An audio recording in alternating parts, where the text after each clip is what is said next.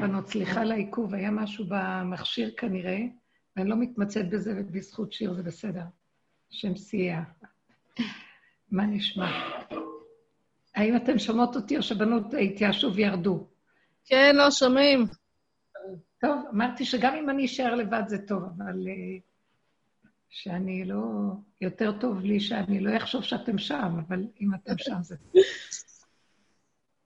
טוב, מתוקות. Uh, אנחנו אחרי שבועות, אני מרגישה שאני מעבירה אליכם uh, מין מצב כזה, ש... תחושה ש... של... Uh, שהתודעה של הדת מתערערת, נופלת. זאת אומרת, נהיה מצב, אה, רק שנייה אחת,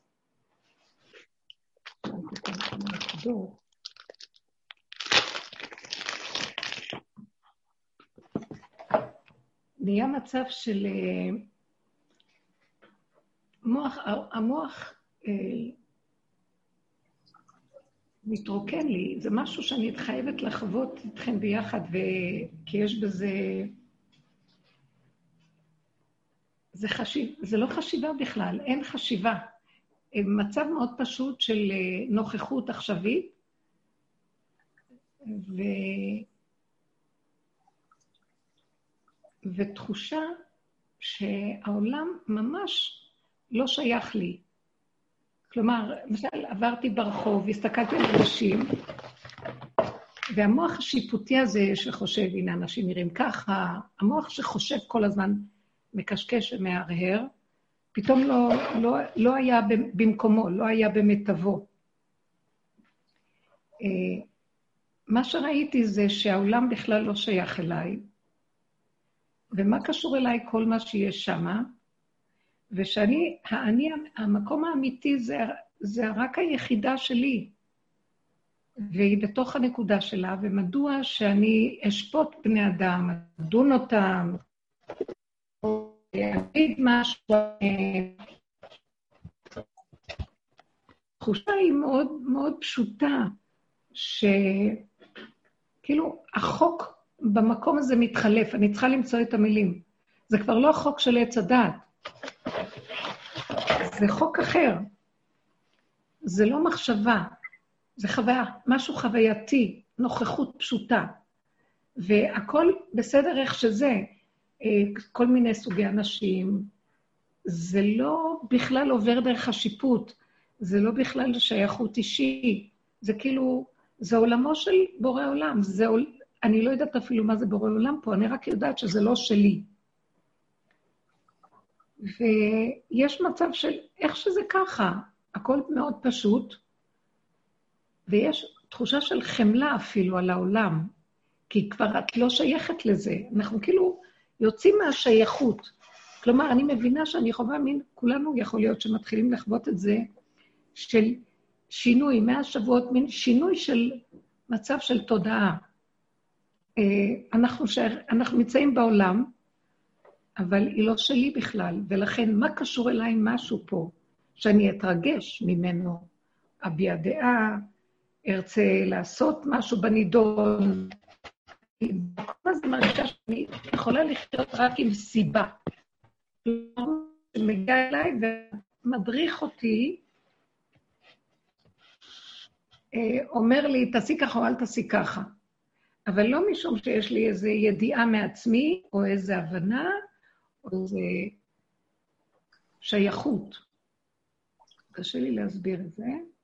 הכל מונח במקומו. למה לי בכלל להזיז את המוח שלי ולהביע דעה? אין דעה בכלל שתגיד לי, זה ככה, זה לא ככה, זה צריך להיות ככה. ו... ואני מרגישה שהכל ממש משהו אחר לגמרי. זאת אומרת, אם העולם לא שלי, אז גם אין לי מה, סליחה, זה לא נוח לי הקיש. אין לי מה להיזהר ממנו, אין לי מה... אני לא, כאילו, לא נמצאת בו. אז תחושה כזאת, אני מחברת את זה איתכם, אה, תחושה כזאת שפתאום הכל ריק. כל מה שחשבתי שזה אסור או מותר, אין לו משמעות. כי אין משמעות לכלום שם. יש רק הרגע הזה וסיבה שמנחה אותו. תחושה חזקה מאוד, שאין לי דעה, זה מותר, זה אסור. ברור שיצאתי החוצה, אז ידעתי, אני צריכה להתלבש ככה או לא ככה, כן, אני רגילה. אבל זה לא משום שמותר או אסור, משום שזה הטבע שלי, והטבע, מה שנשאר פה זה רק טבע קטן פשוט. איך שזה ככה הכל, לזה יש טבע כזה, יש טבע כזה, זה הולך ככה, זה אומר ככה. מה קשור? אין מוח שמסווג ואומר, זה לא טוב, זה כן טוב, זה, הוא אמר את הדבר הלא נכון, זה אמר, או, זה מצוין, זה נראה בסדר. אה, זה, תראי איך הוא מתלבש, זאת, תראי אה, איך היא נראית, כלום. פתאום אנשים הולכים ברחוב, הסתובבתי דווקא, הסתכלתי, אמרתי, מה הקשר שלי למה שהולך פה? זה לא קשור אליי פה כלום. אם כן, למה שאני אביע איזה דעה?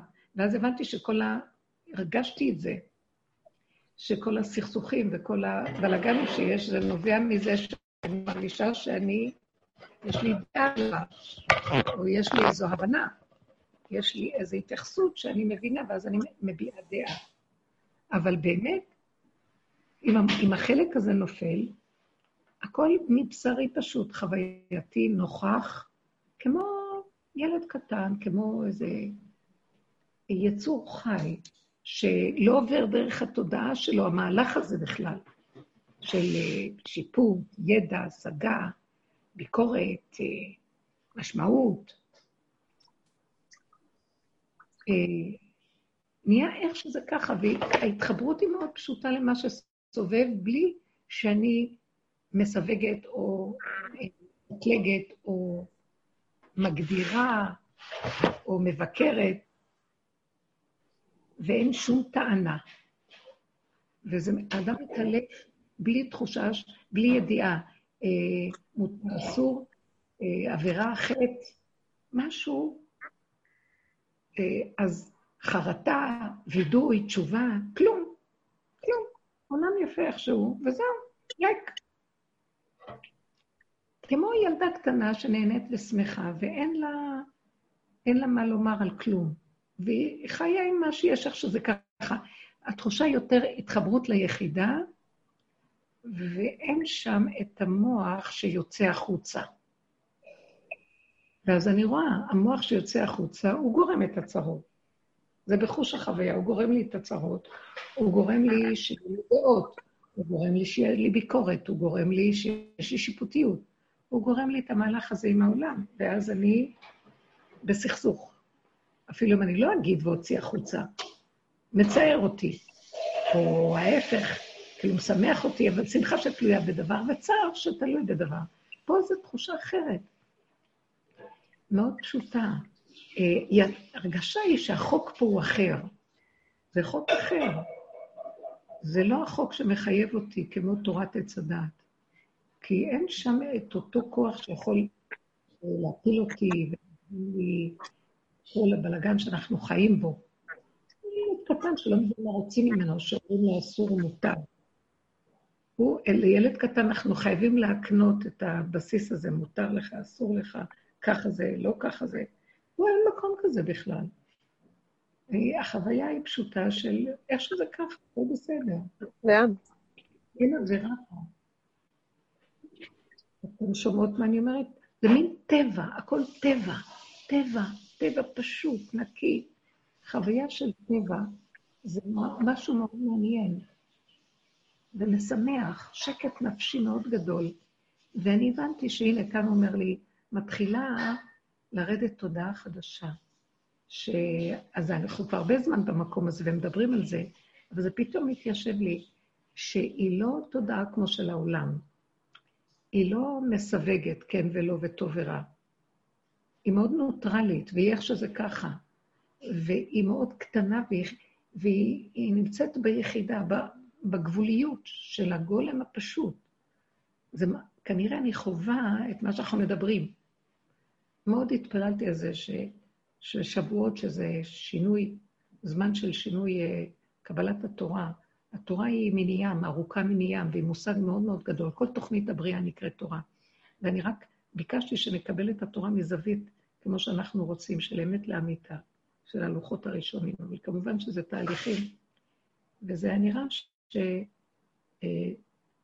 שעיקר הלוחות הראשונים היה יסוד של טבע חקוק, בריא, נקי, שהבורא ככה חקק אותו בבריאתו, ואין צורך לכל הדעתנות וההסברה. זה כאילו תודעת היחידה, שהיא מאוד מיוחדת, היא מתייחדת שמה עם מציאותה. ומה שמפעיל אותה זה רק הסיבה, שהיא מקשרת אותה עם הסובב, אבל לא מהשכל, שאומר לה ככה שווה ככה, זה וזה לעשות ככה. אה, ואז אנחנו כאילו נמצאים בתודעה הזאת עם הטבע הנקי, שזה יסוד, לא נקרא לו עכשיו פגם, כי זה לא פגם, הפגם הוא כאילו הטבע, כשתודעת עץ הדת מסתכלת עליו ושודדת אותו ועושה ממנו פושע, או סכנה שהוא ייפול לאיזה משהו. אבל פה זה לא ככה, זה טבע נקי פשוט, אה, שאין בו לכלוך. אפילו הוא עושה משהו שהוא לא לפי מה שאנחנו רגילים, זה לא לכלוך. זה אמיתי, זה נקי, זה לא מתכוון לפגום וזה לא מתכוון להרע לאף אחד, ואין בזה שום דבר חיצוני. זה בתוך חוויה בתוך האדם עצמו. אני נזכרתי שרב אושר היה אומר, כאשר אתם באים אליי, אל תבואו עם החיוביות שלכם, עם הצדקות שלכם, תבואו עם הלכלוך שלכם אליי. מה דעתכם מה שאמרתי? עכשיו הייתי צריכה איזו תגובה מכם. כלומר, אם אני אזכור, אם אני חוזרת על מה שאני אומרת, זה שהמציאות שעכשיו נכנסת לבריאה היא, אלה שעובדים ונכנסים לתוך המהלך היותר עמוק, יכול, יכול להיות שהם ייכנסו לחוויה של אה, מוח יותר רגוע, אה, אור של חוכמה פשוטה. העיניים חכמות, העיניים הן קרובות למוח, אז הן רואות, הן רואות איזה הוא חכם הרואה, הרואה את הנולד, רואות. הן רואות, אז חוש הראייה מאוד מפותח. אדם רואה אה, שולחן, חלום, כיסא, ואדם שרואה, רואה מעבר לזה, רואה את הצורה, את החוש, רואה איזו ייחודיות שיש משהו יותר תוסס, רואה את הדופק שיש בחפץ, הוא רואה מעבר לראייה הרגילה הפשוטה. כי המוח, כשהוא מאוד מאוד עמוס, אנחנו לא רואים את הדבר כמו שהוא. אבל כשהוא מתחיל, כשהוא ריק, הוא נקי, אז אפשר לראות אה, בראייה אחרת. זה מין חוש שרואה, ויש בו איזו חוכמה יותר עמוקה, בלי לדבר. בוא נגיד, את הבינה. הבן אדם מבין, זה לא צריך לעבור דרך המוח האנליטי האינטלקטואלי שלו. זה כמו לב שומע, לב מבין. בוא נגיד לב. אולי זאת המילה, אולי זאת המילה בדיוק. כי ירדנו כאילו מהמוח יותר למשהו שהוא קשור במסגרת יחידה פועמת, לב. מהמוח כאילו נפתח איזה פתח להיכנס ללב. והלב הוא בעצם העיקר של האדם. כי איפה שהמוח שלנו, שאנחנו חיים בו היום, בתודעה של עץ הדת, הוא שבוי, המוח שלנו שבוי בתודעת עץ הדת, זה לא מוח אמיתי, זה, מוח, זה לא מוח של חוכמת אמת. החוכמה נשבתה שם, המוח שבוי בהרהורים, במחשבות, בבלבולים, באפשרויות, במשמעויות, בפרשנויות שונות. אה, הוא שבוי. עכשיו, כשאנחנו יורדים ליסוד הלב, אין את המקום הזה, זה כאילו לב פועם, ועכשיו החושים, בואו ניקח את החושים ונסתכל עליהם. אה, העין רואה, קרובה למוח, אז יש שם משהו, לב, בואו נקרא לזה לב חכם. בואו ניקח את העניין של הבינה, אז זה לב מבין, לב שומע. איך אמר שלמה המלך, הוא התפלל בחלומו, שהשם התגלה עליו, אז הוא ביקש לב חכם ולב מבין ושומע, שיוכל לשפוט את העם. לב שומע, הוא אמר. לב מבין ושומע. זאת אומרת שהלב שלנו יהיה לו לא רק מבין עם השכל, אה, אני אומרת, אה, אני מבינה, מישהו מדבר, אומרת, אה, הבנתי, זה שטחי מאוד. לרגע הבנתי, ונדמה לי שזה מונח לי בכיס. אבל זו לא הבנה אמיתית. מה ההבדל בין הבנה אה, כמו שהגדרתי, מהי ראייה של הטבע לעומת ראייה של לב, ראייה חכמה. ראייה של לב היא רואה יותר עמוק. היא רואה מה ש... כשהראייה השטחית, היא... יש כל כך המוח עמוס, שלא רואים את הדבר כהווייתו. בואו ניקח הבנה. כשבן אדם שומע מישהו מדבר, הוא אומר, אה, הבנתי. זה לא הבנה אמיתית. לב מבין זה כשאדם מסתכל, אה, הוא שומע, את רואה את הדבר, בהתחלה את רואה אותו כהווייתו, זה הראייה. כשמישהו מדבר, אז את שומעת בדיבור שלו את הדבר, את שומעת את הנקודה האמיתית. זה לא אחד ועוד אחד שומע, זה, את קולטת, את מבינה את הדבר כהווייתו, את הדבר שמדברים עליו. זה משהו, שמיעה הווייתית יותר, עמוקה. בואו ניתן לכם דוגמה, מה שנראה לי. ששלמה המלך, אה, בא אליו משפט שתי אנשים, שכל אחד טענה שהתינוק שלה, שתי, שתי נשים שישנו בבית אחד, וכל אחת ילדה. לא היה להם אבות לילדים. שתי נשים מופקרות שילדו, שתיהן וגרות בבית אחד. עכשיו, אה, תינוקה של אחת הנשים מת, כנראה היא שכבה עליו בלילה והוא מת לה. אז עכשיו היא החליטה שתיקח את התינוק של השני, של השנייה, ותגיד שזה שלה, מי שיכול להוכיח שלא. ואז זאת אומרת, זה שלי, והיא אומרת, לא נכון, זה שלי. שתי נשים במצב מאוד קשה, ואז הן באות לשלמה המלך לשפוט ביניהם. ושלמה המלך הסתכל, והוא אומר לעצמו, בואו נראה, תראו את ההבנה העמוקה שלו, זה לב שומע, לב מבין. בואו נראה, אני אגיד משהו, בואו נראה את התגובה של האימא האמיתית. אז הוא לוקח את התינוק, ואומר, טוב, אז אני עכשיו הולך לשפוט למי שייך התינוק. כולם מסתכלים עליו. האימא אחת מפה, האימא כאן, וכל, וכלל ישראל שבאו לשמוע את החוכמה שלו, עומדים ומקשיבים. הוא מרים את התינוק ומוציא את הסייף, את החרב, והוא מניף את התינוק כדי לחתוך אותו. הוא צועק, לא לה ולא לה, גזורו. זאת אומרת, אנחנו, עכשיו, התנועה שלו הייתה, אני הולך לבחון מה תהיה התגובה של האימא האמיתית, מה תהיינה התגובות. שימו לב לחוכמה הזאת. הוא מסתכל ורואה איך הן מגיבות. אז האימא האמיתית התחילה לצעוק, לא, אל תהרגו אותו, אל תהרגו אותו. והשנייה צועקת, כן, כן, לא לי, לא לעזור. אז הוא, הכיר, תראו איזה תנועה פשוטה, איזו חוכמה טבעית פשוטה. תגידו, זה הדבר הכי פשוט בעולם. אז הוא הבין, התגובה של האישה, שזה שלה, ישר תראה לו מי כאן האימא האמיתית. שמתם לב איזה ניסיון זה? עכשיו, תקשיבו, זה לא נראה כזה מי יודע מה בשמיים, איזה חוכמה, איזה אינטלקט, איזה וואו. אבל שמתם לב איזה פשטות של הכרה והבנה בטבע האדם? זה נקרא לב שומע, לב מבין. מבין את התגובה, ולפי זה הוא שופט. אה, בואו ניקח, שאנחנו אומרים בתודעה החדשה הזאת שהיא לב, אז לקחנו את החוכמה, לקחנו את הבינה. שוב פעם נחזור.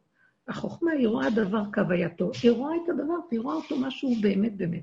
לא כמו שאנחנו, יש לנו הרבה ערפילים ומחשבות וזה, אז ככה אנחנו רואים את הדבר. לב שומע, ישר הוא אומר, חושים חדים, בואו נראה איך תהיה התגובה של זה וזה, וזה מראה לי איפה האמת. הוא קולט, הוא מבין את המציאות של הטבע של האדם. לב של חסד, בתודעה החדשה יש לב, לב טוב. מה זה לב טוב אצלנו? לב טוב, אז הוא רץ לעשות משהו להיטיב לשני, אבל מצד שני הוא גם יכול לוותר על העניין של עצמו. אז לב טוב מצד האמת, בתודעה החדשה, יהיה לב שהוא שמח לעזור לשני ורוצה להיטיב לסובב, אבל לא בשום אופן על חשבון נקודתו העצמית. הוא לא ידלג על עצמו בשביל לתת לזולתו. יש לו גם לעצמו, ויש לו גם לתת לזולתו, כי יש לו טוב ששופע מיסוד, כמו שמעיין ששופע, מעיין ששופע חוכמה, שהוא רואה דברים, הוא מחובר ליסודו. מעיין שמבין, מחובר להבנתו, לליב, מחובר להכרה של הטבע הפשוט. אה, לב שהוא קשור להטבה, אבל לא פראייר, לא גונב. לב, בואו ניקח עוד תכונה, לב חזק. מה זה לב חזק? זה לא לב של חוזק כלפי השני, עזות, חזק. זה לב שאומר, אני אוהב לתת, אבל לא על חשבון עצמי. אז אני חזק שזה נהנה וזה הולך חסר. יש לו שם חוזק של, הוא לא מאבד את יסודו. שימו לב למהלך הזה. זאת אומרת, הלב, כשהוא פתוח וכשהשם מל את ליבנו ועתיד השם למול את ליבנו, אז התוצאה תהיה התכונות שאני אומרת לכם. יישארו אותן תכונות. הבן אדם, יהיה לו חוכמה ויהיה לו הבנה, והוא רוצה להתחסד עם הבריות, הוא גם יהיה חזק, אבל מה יהיה ההבדל? החוזק שלו לא יהיה מתודעת עץ הדעת החיצונית, שהוא חכם מהבלבולים של העולם, מרוב הבנות והשגות וידיעות, או שהוא מבין, אחרי רגע, ההבנה שלו היא מאוד מרחפת, היא לא קשורה למבשרי. אז בסופו של דבר, יכול לשכוח מה הוא הבין אחרי רגע. אז מה עוזר לו שייתנו לו את ההרצאה הכי גדולה לדבר, והוא יגיד, אה, הבנתי. הוא הולך למקום אחר, עובר עליו איזה ניסיון, כל מה שהוא אמר שהבנתי, לא הבין כלום, כי הוא רואה שלא עזר לו הבנה שהוא הבין, בגלל שהוא עובר בדיוק על כל מה שהוא הבין ועושה הפוך. אז ההבנה היא למשמעות. רק לרגע שטחי שאומר הבנתי. אז זו לא הבנה, תודעת עץ הדעת עושה חסד. אז היא רוצה לרצות, היא רצה אחרי הבן אדם, רוצה להיטיב, רוצה לתת, רוצה לעשות, והיא עוברת הרבה פעם את הגבול. על ידי כך, השני כביכול מנצל, בלי שהוא ירצה, כי נתתם לו פתח, למה שלא ייקח? נתנו לו. ואז אחר כך יש לי כאבים, למה ניצלו אותי? אבל, אבל הוא לא אשם השני. אני נתתי לו את האפשרות לנצל אותי. הרגשתי שבתודעה החדשה הכל מאוד מאוזן. מה זה לב חזק? הוא לא משתלט על השני ומראה לו, שמע, אני שולט פה, אתה לא תגיד לי כלום, אני הולך, אני יודע מי אני, והוא הולך בחוץ, וכולם אומרים, או, זה, מפחדים ממנו, מכבדים את הבעל כוח הזה.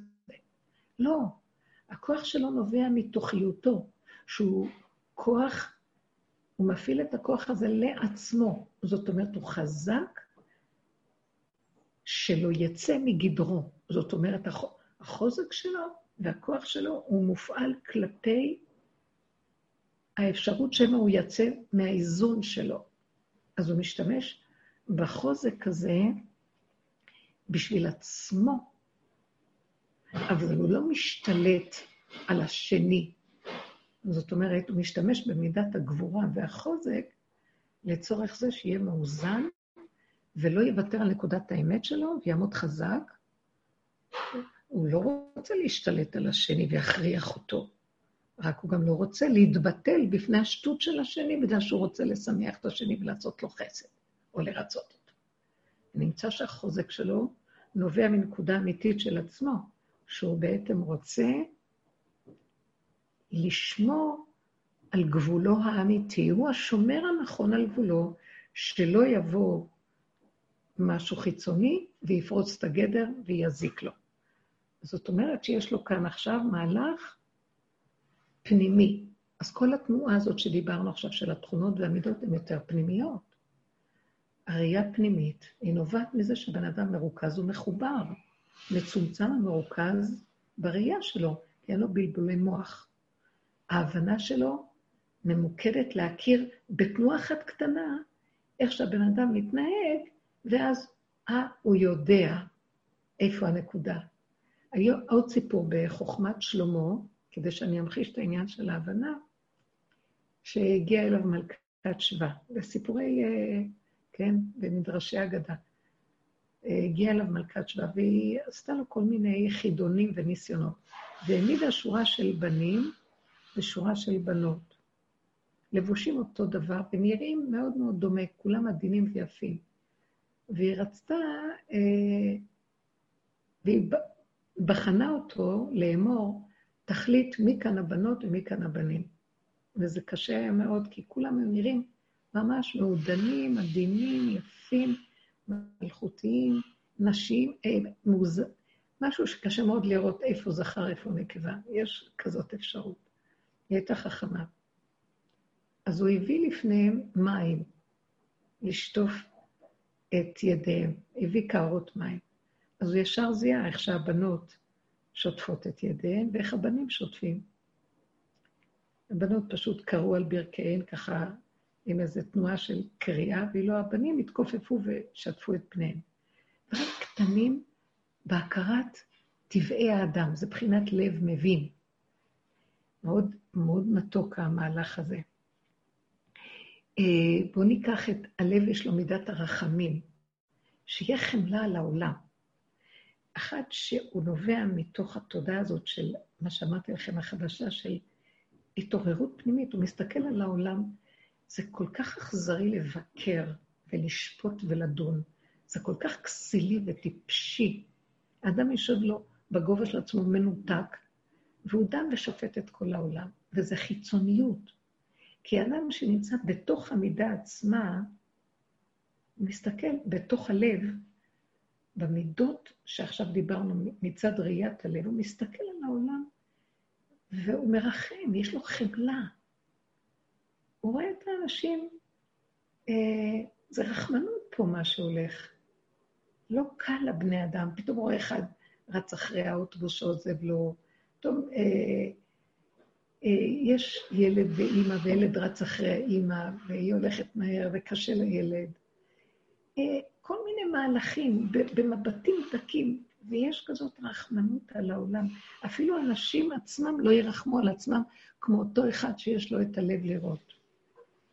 אז יש לו רחמים. הלב יש לו רחמים אמיתיים. זה לא רחמים ש... של רחמנות, של מסכנות עצמית. או במסכנות עצמית, אז הוא מרחם גם על השני. זה רחמים שנובעים מתוך אה, הכרה של אה, מין אפסות כזאת. איך אני יכול בכלל לחשוב שיש מישהו? אין את התודעה הזאת של האני, שהיא מסתכלת מגבוה ו... והיא מתגאה על כל הסובב. אז אה, זה המקום של המידות היפות האלה. אני אקח אה, מידת הנצחנות. זה שוב פעם, הכל מופנם כלפי פנימה. הוא מנצח על מלאכת בית השם. כלומר, הוא מנצח על המקום הזה שלא יצא מגדרו. יש לו שליטה על האורקסטרה שלו, על התזמורת, והוא מנצח על כל מידה שהיא תהיה במקום נכון. העין רואה נכון, הלב מבין בצורה... החסד נותן ולא עובר את גבולו, והגבורה דורשת מעצמה את החוזק ולא משתלטת בכוחנות על השני, וכן הלאה. זה המקום הזה שבמידה הזאת אנחנו יכולים לומר, יש כל כך הרבה מידות, אם אני אתן דוגמה לראות איך זה פועל מהמקום הזה.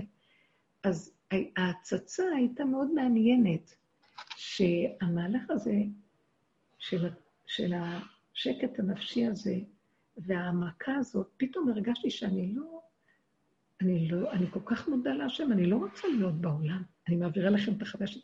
אני לא רוצה להיות בתודעה הקודמת, למרות שבטוח שזה רצו ושוב, רק נתנו לי איזו הצצה יותר חזקה. זה לא, זה לא בדיוק שזהו, עברתי רגל לעולם אחר.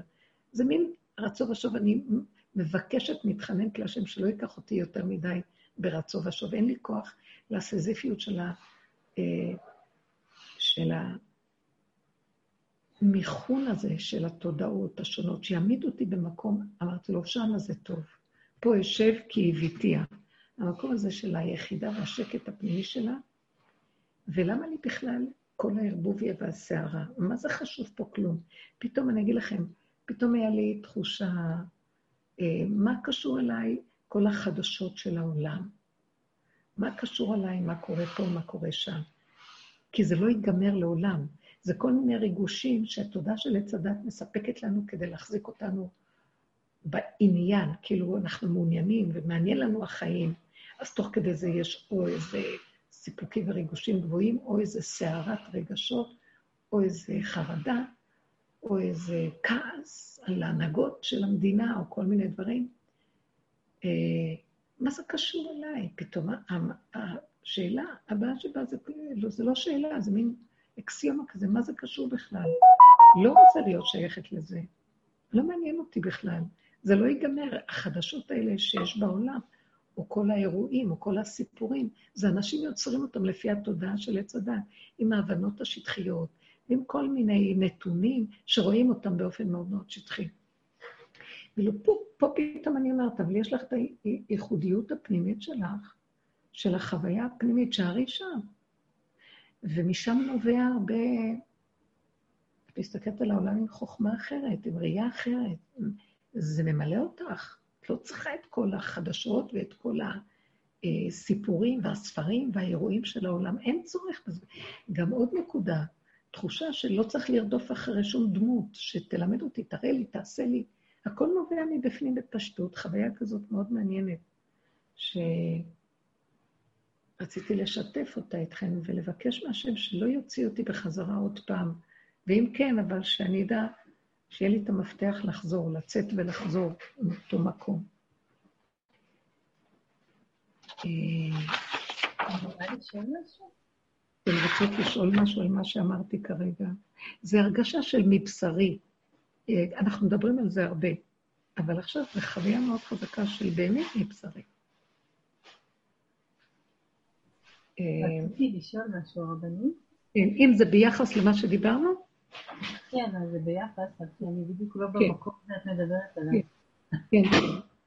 אני רציתי לשאול, כי את מדברת על המקום הזה שהוא נשמע לי מאוד יפה, אבל אני מרגישה שאני בדיוק במקום הפוך מזה כרגע. אוקיי, בוא, נדבר. כן, מה הוא נשמע. אה, דרך אגב, זה, טוב לכולנו, אף פעם השאלות הן לא רק של אחת. כל אחד תנסה למצוא את עצמה בשאלה. כן. כאילו, דווקא עולה לי הרבה עכשיו, במיוחד מול דמות מסוימת של הרבה מאבקי כוח ומשהו... של מה? שמה? של הרבה, הרבה מאבקים ו... והתנצחות כזאת, שמשהו שאני לא מצליחה, כאילו אני תמיד הייתי מעבירה, ויש משהו שהוא כל הזמן עולה לי ואני לא מצליחה להעביר את זה. כאילו, וזה עוד יותר חזק מאי פעם אפילו. כאילו, ואני לא מצליחה לעשות שום עבודה, ואני... הדבר היחיד שאני מצליחה... מצליחה להסכים לזה, אבל אני לא יודעת, אני כאילו עבודה, אני מרגישה, טעיתי כשה עובד, אין לי שום ידיעה של כאילו כלום, מה הכיוון הנכון. את יכולה לתת דוגמה?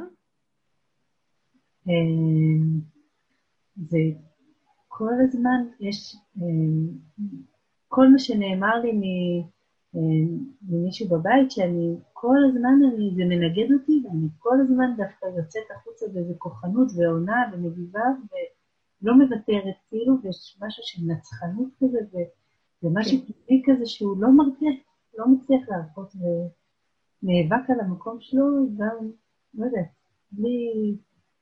יכול להיות שזה מה, החוויה שעולה לנו, זה פתאום מראים לנו מי אנחנו באמת. כל אחד, אחרי שבועות יש תחושה חזקה שכאילו, הנה, תראו את המצלמה, איפה, לאן הגענו? התמונה, כל אחד מקבל תמונה יותר ברורה, מה היא. אז במקום שלך את כאילו אומרת, פתאום את מסתכלת על המציאות שלך. זה לא דבר חדש שקורה לך. זה כל הזמן היה ככה, רק עכשיו את רואה את זה בצורה יותר ברורה. שזה המקום שלך, שאת עונה, שאת מגיבה, שאת לא מתאפקת. התוהו ובוהו של מציאות התודעה שאת נמצאת בה, התודעה של החיים שלנו. תראו, אני דווקא לא רוצה להתאפק כזה, אני דווקא לא, לא מסכימה להתאפק. אני אפילו יש לי איזה כוח כזה שכל השנים התאפקתי ועבדתי בזה, ועכשיו דווקא אני לא, לא רוצה להתאפק, כאילו, תגיד, לא יודעת, זה מין כוח חזק יותר ממני. כן, בסדר, זה צף. המציאות שהייתה קודם צפה יותר חזק. את חווה את זה יותר חזק ממה שחווית את זה קודם? למרות כל העבודה שעשית? כן. אני כן. אומרת שיוצא משהו חזק. עכשיו, אל תתבלבלי. כל העבודה שלך כאן עכשיו, כמו שאני רואה בעצמי גם, גם אני עכשיו תיארתי איזה מצב מתוק של מתנה כזאת, אבל אני בטוחה ש... אני חושבת, אני מקווה שלא, יבוא איזה מצב שעוד פעם יחזרו אה, ההתנסויות השונות. עכשיו, כל העבודה שלנו זה לא, לא לתת לזה משמעות רגשית ולא להישבר מזה כלום. כאילו להסתכל על זה ותתחילי להיפרד מזה. זה מעוות לא יוכל לתקון. אנחנו לא יכולים לשנות את התודעה הזאת, אנחנו יכולים לשים את עצמנו מחוץ. את ההכרה העצמית שלך, לא של, של הזדהות עם התודעה, רק משהו שנושם, מהותי יותר, עם העצמות הפנימית שלך, ומסתכל ורואה את כל ההצגה הזאת כאילו היא לא שייכת לך. תנתקי רגש. אוקיי. Okay. תנתקי אחיזה של שייכות. כאילו, גם אם אני יוצאת וזה נאמר, לא, לא, לא, לא, לא להתמודד עם זה רגשית. כן. אם לפני, אם אחרי. אם יכול להיות לפני, מה טוב. ואם לא, אז אחרי. לא להתרגש. אדרבה. אה, זאת אומרת שכל כל העניין של עיקר העבודה שאנחנו הולכים לקראת התודעה החדשה היא המהלך שקצת קודם לזה, להשלים עם כל השלילה. השלילה, אנחנו לא שליליים. תודעת עץ הדת אומרת שאנחנו שליליים. היא מגדילה את התמונה, היא מעוותת אותה, ואחר כך היא יורדת עלינו במירכאות. היא מבקרת אותנו, דנה, שופטת, כועסת, אה, מבלבלת אותנו ומצערת אותנו, ואז יש לנו כאבים, וזה לא מחייב להיות ככה. זה לא מחייב שזה יהיה ככה. אם את מבינה מה אני מדברת. אז כרגע אל תתני לה, אל תפק זממה, מה שנקרא. לא לתת לה את המקום הזה של ההשתתפות עם מה שהיא רוצה, באמת להתרגז. בוא נגיד, לא להישבר מהשבירה ולא להתרגז מהרוגז, ולא לדון את עצמך שעשית כך או כך, אלא רק להסתכל ולהבין שזה לא את, את לא יכולה אחרת. לא היית יכולה אחרת, כי זה האני, זה מלכות האני, והוא לא יכול אחרת. האם את קולטת מה אני אומרת? כן, ודאי כן, שאת שומעת. כן. זה הדבר היחידי שאני כאילו באמת קצת זה הדבר היחידי לעשות. בדיוק. עכשיו את צריכה פשוט לחוות את המקום הזה של לא להתרגש, לא לשייך, לא לשפוט, לא לדון, כאילו את רואה בן אדם אחר, ומה הוא קשור אלייך. אני קצת דיברתי את אותו דבר עכשיו, מה שאת אומרת, אבל בהעצמה אחרת. הוא נתן לי את העצמה של השקט הנפשי, והוא אומר לי, מה קשור אלייך פה כלום? זאת אומרת, המוח פתאום נח, נח מה... זה ככה, הוא ככה, לכאן מה, לא, לא, לא, ומה שייך אליי זה, ומה אני רואה ביחס לזה, ומה דעתי על זה, והרגשתי מזה, וכן הלאה. פתאום לא היה המקום הזה. אז ככה אני אומרת לך, גם את תרגישי, תתחילי, הוא יביא אותנו למקום הזה עכשיו. אבל הוא הוא מבקש מאיתנו שניתן לו את הרגעים הקודמים של עוד נקודת עבודה שיש לך בבחירה שלך, לא להתרגש. לעשות עוד צעד פנימה, בצמצום פנימי לתוך עצמך, שכל מה שאת רואה שם שאת עשית, זה לא את. כי זה באמת לא את, זה תודעת עץ הדת, אומרת אני. אנחנו, האני הזה הוא מאוד וירטואלי, הוא לא ברור. ואנחנו שוכבים, מאחר ואנחנו מאמינים בפסיכולוגיה שלנו שיש לי אני ויש הוא, אז אנחנו מוסיפים כל יום איזה אה, סיפור של יום שלם של אני כזה וההתנהגות שלו והתגובות שלו, ואז יש לנו מגילה ויש לנו אה, מסכת שלמה של מי זה אני הזה. וזה מורכב מדמיון וירטואלי של אחד ועוד אחד שווה ושיפוטיות וזה, זה לא מחייב שזה האמת. האני האמיתי היום שאני רואה, יותר ויותר נכון, זה הטבע הקטן הפשוט, כמו ילד קטן, אה, ללא כחל וסרק. כמו שאמרתי לכם, בתודעה החדשה אני מרגישה שנתנו לי להציץ, נותנים לנו להציץ, אה, לראות את הדבר כהווייתו. את רואה את הדבר עצמו. לא מה שנראה לך עליו, מה שאת חושבת, מה שאת מפרשת, מהחוויה הקודמת, מהזיכרון של משהו, כלום, טק, נקי, כאילו את רואה אותו פעם ראשונה. אז אם את לא תתרגשי עכשיו מכל מה ש... ולא תשייכי את עצמך לשלילה, או לחיוב גם, בוא נגיד שאת שלילית, הביקורת או החיוביות, כאילו את כל כך בסיפוק ואת עפה על עצמך, לא זה ולא זה, ואת נשארת בנוטרל, כאילו, כלום לא שייך לי, בוא נגיד, עשית איזה משהו מדהים, ובאים אומרים לך, את משהו מיוחד. לא תוכלי, באמת, לא תוכלי לסבול שיגידו לך שזה את, כי את יודעת שזה לא את. זה השם עליכם נתן לך משהו. אז אם את יודעת להפריד את עצמך מזה, זה חשוב. או מהשלילה. וואי, איך עשיתי כזה דבר? איך אני... שני הדברים האלה, אם נתמיד לפרק את התחושה הישותית מהם, כאן יש משהו מאוד נפלא שמתגלה. מה שייך לנו פה? כלום, כלום לא שלנו זה.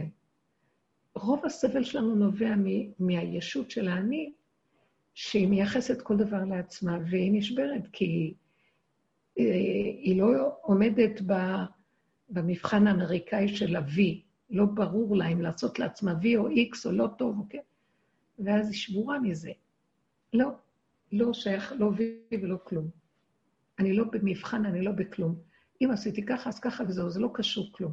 אם תתמידי בנקודה הזאת של לפרק את הרגש השופטני, אז תגיעי, נגיע כולנו למקום הזה שאני קצת בחוויה נתנו להציץ, נותנים להציץ בחוויה הזאת.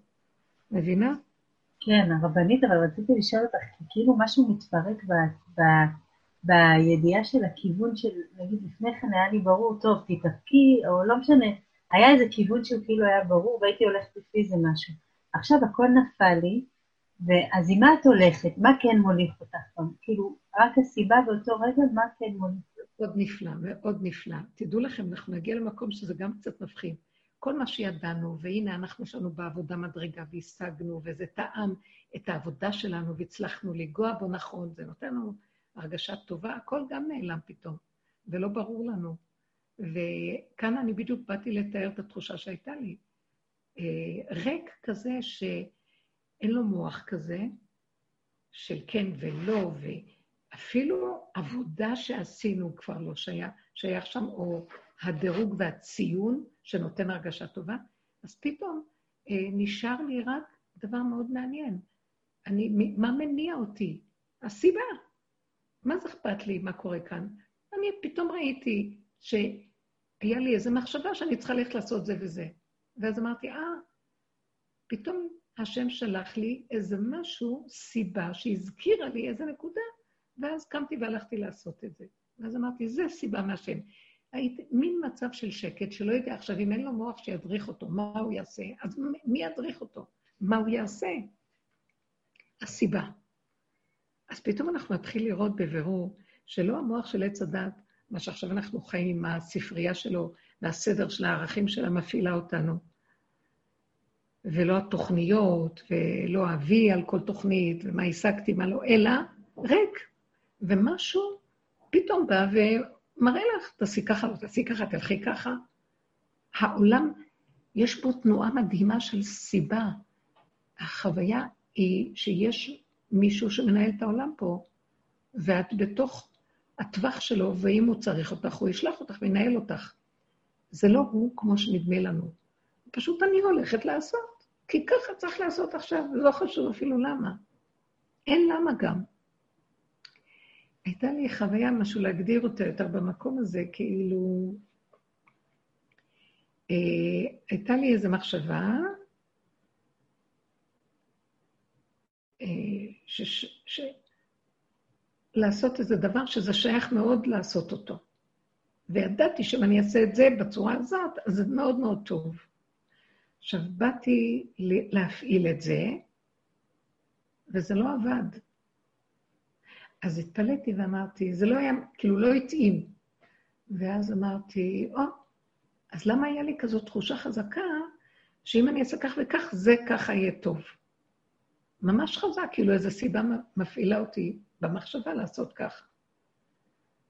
זה לא היה סתם איזה הרהור או איזה משהו, ברור היה לי טק וטק וטק, להוציא אותו תוצאה ככה. ואז פתאום הייתה לי מחשבה, שכאילו הוא בא ואומר לי במחשבה, מה שהיה לפני רגע היה נכון. אם התוצאה לא יצאה ככה, זה גם נכון. זה לא קשור מה שהיה קודם למה שעכשיו. שמעת? זאת אומרת, כל רגע בפני עצמו זה משהו אחר, ולא לחבר. לא להגיד, אה, אני ישבתי, אני אעשה כך וכך, אז זה טוב לעשות ככה, אז למה שבאתי לעשות? זה לא יסתדר ככה. כי ככה זה היה קודם במחשבה, וכשבפועל באת לעשות משהו, זה משהו אחר.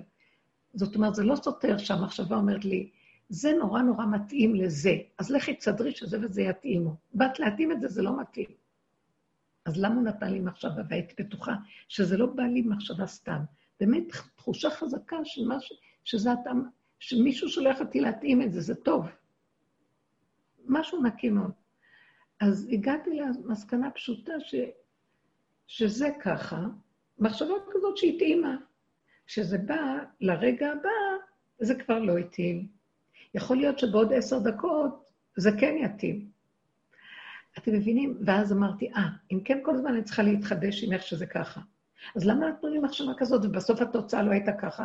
זה לא קשור במחשבה, מחשבה. התוצאה, תוצאה, זה משהו אחר. זה לא כמו המוח שלנו שאומר, אחד ועוד אחד שווה שתיים. באמת הפשוטה לא שווה כלום. רגע אחד את יכולה להגיד משהו, ואחרי רגע את אומרת משהו שסותר את מה שאמרת קודם. ואז את אומרת, אפשר לסמוך עלייך. זה לא, באמת, זה לא קשור. באמת לאמיתה זה לא קשור, כי את אמרת את הדבר הזה, נקודה. רגע אחד יבוא משהו אחר, ואת תגידי משהו אחר שסתר את זה, מה זה קשור? אתן יכולות להבין את המקום הזה? מה זה מכריח אותנו לראות? שיש התחדשות, ושזה לא מסכת, זה כל רגע האמת מתחדשת, היא נעדרת. כתוב שהאמת נעדרת, היא כל רגע קיימת ונעלמת, קיימת ונעלמת, קיימת ונעלמת. אז את לא יכולה, האמת היא רק רגע, ואת לא יכולה לבנות עליה. ברגע שאת בונה ועושה איזה מסכת, זה כבר לא האמת, זה כבר אחד ועוד אחד ועוד אחד ועוד אחד ואחד. האמת זה נקודה אחת קטנה של אותו יסוד. לרגע זה הלך הלך. אה, אני זוכרת שהייתה לי חוויה כזאת, שאצל אה, רב אושר היו באים אנשים לשאול אותם את השאלות שלהם. נכנסה אליו אחת והיא סיפרה לי, והיא אמרה לו, בקשר למשהו שהיא צריכה לעשות, זה וזה וזה, שקשור לאנשים מסוימים בחצר הזאת, בחבורה. אז היא הייתה צריכה לעשות משהו, שאלה אותו, מה לעשות בעניין של זה וזה וזה, שקשור פלוני לדבר הזה. אז הוא אמר לה, מה, מה נראה לו? היא יצאה החוצה ואמרה לאותו פלוני שרב אושר אמר שכך וכך צריך לעשות. אז הוא אומר, מה, באמת? הוא נכנס אליו ושאל אותו, רב אושר, גם כן בקשר לפלונית, מה אני צריך לעשות? אז רב אושר אמר לו משהו אחר שהוא אמר לפלונית בקשר אליו. אז הוא חזר אליו ואמר, אבל רב אושר אמר לי לעשות כך וכך וכך. אז היא לא הבינה. אני שאלתי אותו באותו עניין, לי הוא אמר ככה, בעניין שלו, ולא, הוא אמר בעניין שלה, באותו עניין, משהו אחר, מה הוא צריך לעשות. אחר כך היא אמרה לי, היא התבוננה בזה והיא אמרה, אז זה מה שהוא אמר לי, מה זה קשור למה שהוא אמר לו? אני רצתי ישר להגיד לו, מה רב אושר אמר לו, לי בעניין שלו. אז, אז היא קלטה שהוא אמר לי בעניין שלו ככה. לא, הוא אמר בעניין שלי ככה. אני צריכה לעשות מה שהוא אמר לי בעניין שלי. האם אתם קולטות את הנקודה? עכשיו, מה זה קשור למה שהוא אמר לא? זה עבודה שלו עם מה שהוא אמר לא. ולי הוא אמר משהו שהוא אמר לי. אז אני אעשה מה שהוא אמר לי. למה אני רצה להגיד לו, אתה רואה? אני אמרתי לך, הוא אמר לעשות כך וכך וכך. אמר לה, לא, לי הוא אמר לעשות כך וכך. זה נראה כאילו הוא סכסך ביניהם. אז העבודה של החברים האמיתיים זה, חברים שנכנסו בעבודה, זה מה קשור? מה הוא אמר לי ומה אני צריך לעשות. לכן, כשמישהו יצא מהחצר, יצא מהחדר של רבו שם, הוא לא יכול היה לספר לשני מה הוא אמר לו, אלא אם כן הוא אומר, זה מה שהוא אמר לי. שאני אגיד, אה, אז גם אני אעשה ככה. גם לי יש מצבים דומים, אז כדאי שאני אעשה גם כן ככה. לא. אולי במצבים דומים הוא יגיד להוא משהו אחר, כי רב אושר, זה נקודת האמת. הוא הלך לפי כל אחד ואחד בעניין שלו, לא רק הרעיון של הדבר מה לעשות, גם לפי הכלים שלו. לפי הזמן, לפי המקום, לפי מדרגת האדם, זה וזה מה שהוא צריך לעשות. הוא שקלל חלקים נוספים, בעוד שאנחנו באים רק עם המוח, ואומרים, רגע, לא אמר ככה, אבל לי הוא אמר ככה באותו עניין, איך יכול להיות? כי אני משהו אחר באותו עניין, והוא משהו אחר באותו עניין. אותו דבר מה שהרגשתי, שאני, אה, רגע אחד היה לי מחשבה בהירה, זה מתאים לזה. הלכתי לסדר את זה, בכלל לא התאים זה לזה. אז לרגע אמרתי, אבל למה היה לי כל כך תחושה חזקה? אז המחשבה הייתה היא שזה לא קשור לזה.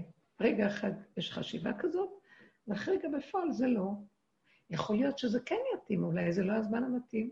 לא יודעת מה, אבל כרגע זה לא, בלי שאלות, בלי קושיות. מכאן אני רואה את הזרימה של ההתחדשות שיש במדרגת הלב הפועם. הוא מתחדש. כל פעימה היא אחרת. מה זאת אומרת הפעימות של הלב? יש לנו כאן פעימות. אנחנו, שמתם לב, כל פעימה היא רגע חדש. נוצרים המון תאים חדשים ומתים מלא תאים. זה עולם לא, כל פעימה. המוח עושה לא, זה ישן, זה... המוח זקן, מלך זקן וכסיל. אחד ועוד אחד ועוד אחד ועוד אחד, וערימות וערימות. ועכשיו נהיה דפוס מקובע, ועכשיו כולם אומרים, אם אתה עושה ככה, זאת צריך להיות התוצאה. ואם זה לא, נשברים. ואנחנו בעלמא דשיקרא. אם היינו חיים עם האמת, לא היינו נשברים מכלום, כי הכל בסדר גמור איכשהו ככה. וזה החוויה של התודעה החדשה. משהו של ייחודיות, של התמעטות, מריכוזיות, דיוק שקשור אליי. מה קשור לשני? אם כן, נגמרת ההצצה לשני, הלשון הרע, קנאת איש מרעהו, השנאת חינם, אה, נגמר השיפוטיות והביקורת. נגמר, אפילו אני עם עצמי לא רוצה לבקר את עצמי, כי רגע אחד היה ככה, והרגע שחשבתי היה משהו אחר. זה היה מחשבה, זה היה תוצאה, זה משהו אחר. זה מהלך אחר לגמרי, יש שלווה. והאדם הוא מתחדש כל רגע, כמו ילד קטן. שמתם לב שילדים קטנים חיים ככה?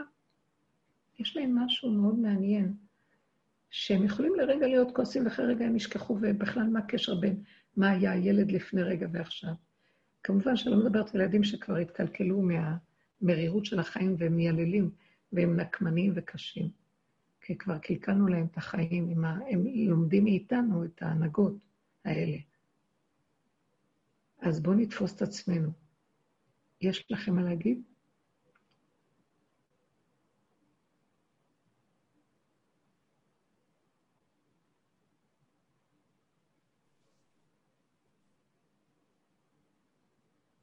אתן שומעות אותי? כן, מתוקה, שומעים אותך טוב, הרבנית יקרה, אהובה. תודה. עכשיו, אז שוב פעם, כשנסתכל, אני רוצה, אני רוצה שנתחיל, אה, נכון שאנחנו, בשאלות שלנו, כל אחת מתארת או מביאה את המצבים של עצמה, אבל הנה, מה שעכשיו ציירתי, בואו נלך לשאוף לכיוון הזה. תראו, העולם רוכש. עכשיו מתחילים לחזור כאילו אחרי כל העניין של ההתכווצות פנימה, אה, יש מהלך שחוזרים כביכול. אנשים לא כל כך אה, שמחים, ויש להם חששות, וחוזרים, אבל משהו צולע קצת. כי באמת, לפי ראות עיניי, זו הייתה פעימה מאוד מאוד חזקה של אה, של הפסקה ממשהו, מהשטף של התודעה. זה לא יחזור להיות כמו שהיה. אבל משהו שנשאר לנו, מה יהיה, איך לא יהיה, ברור, לא ברור לנו דברים, מה נעשה, איך נעשה, ואז נכנסים כל מיני, אני מקבלת הרבה של כאלה, שואלות אותי, מה, מה עם כל מה שאומרים, מה עכשיו יהיה, לא יהיה, ואז אני אומרת להם, תראו, לפי התודעה החדשה, איך שאני אומרת לכם, תתחילו להתנהג ככה, כי זה הולך לקראת הכיוון הזה. זה לא קשור אלינו פה כלום. אל תתוודע לרשות, תורידו את הראש מהתודעה של הידע ושל, והחדשות, מה קורה בעולם, מה קורה בעולם, או בארץ, או בכל דבר, ותיכנסו לתוך דלת אמות של עצמכם, שלא חסר שם שום כלום. אנחנו רוצים חוויה חושית בשרית של איכות פנימית של דופק, שהלב דופק ופועם, והחושים חיים, כך שלא נצטרך לחפש חדשות, אה. להתלבש על איזה גבייה מתה של איזה אירוע שקרה, או מישהו שאמר, או מה שאומרים שיהיה בעולם, או כל הקונספירציות וכל הדברים האלה. אנחנו לא רוצים את זה, כי זה מכניס אותנו לכל מיני מחשבות וספקות וכל מיני בעיות שאנחנו לא יודעים עליהן כלום, אני לא רוצה להיכנס בהן. הם יכול להיות שהם יכולים להיות קיימות. הבני אדם יוצרים מציאויות על ידי המחשבות האלה, ואני לא רוצה להיכנס במחשבות האלה, אז מה אני כן יכולה לומר? תצטמצמו ליחידה שלכם, ואל תדעו, אל תדעו, שמה לדעת? אתן נושמות, אתן יוצאות, באות, יש לכם פעולות לעשות, תעשו. אתן לא יודעות מה לעשות, כמו לשלוח את הילדים לבית ספר או לא. אני לכם את האמת לפי הסיבות, אתם תראו סיבות. יש סיבות רגע שאתם תדעו, ויש סיבות שפתאום לא ברור. אז אם לא ברור, אז לא, נשב ואל תעשה עדיף. ואם ברור, תשלחו. ואם זה יוצא רק...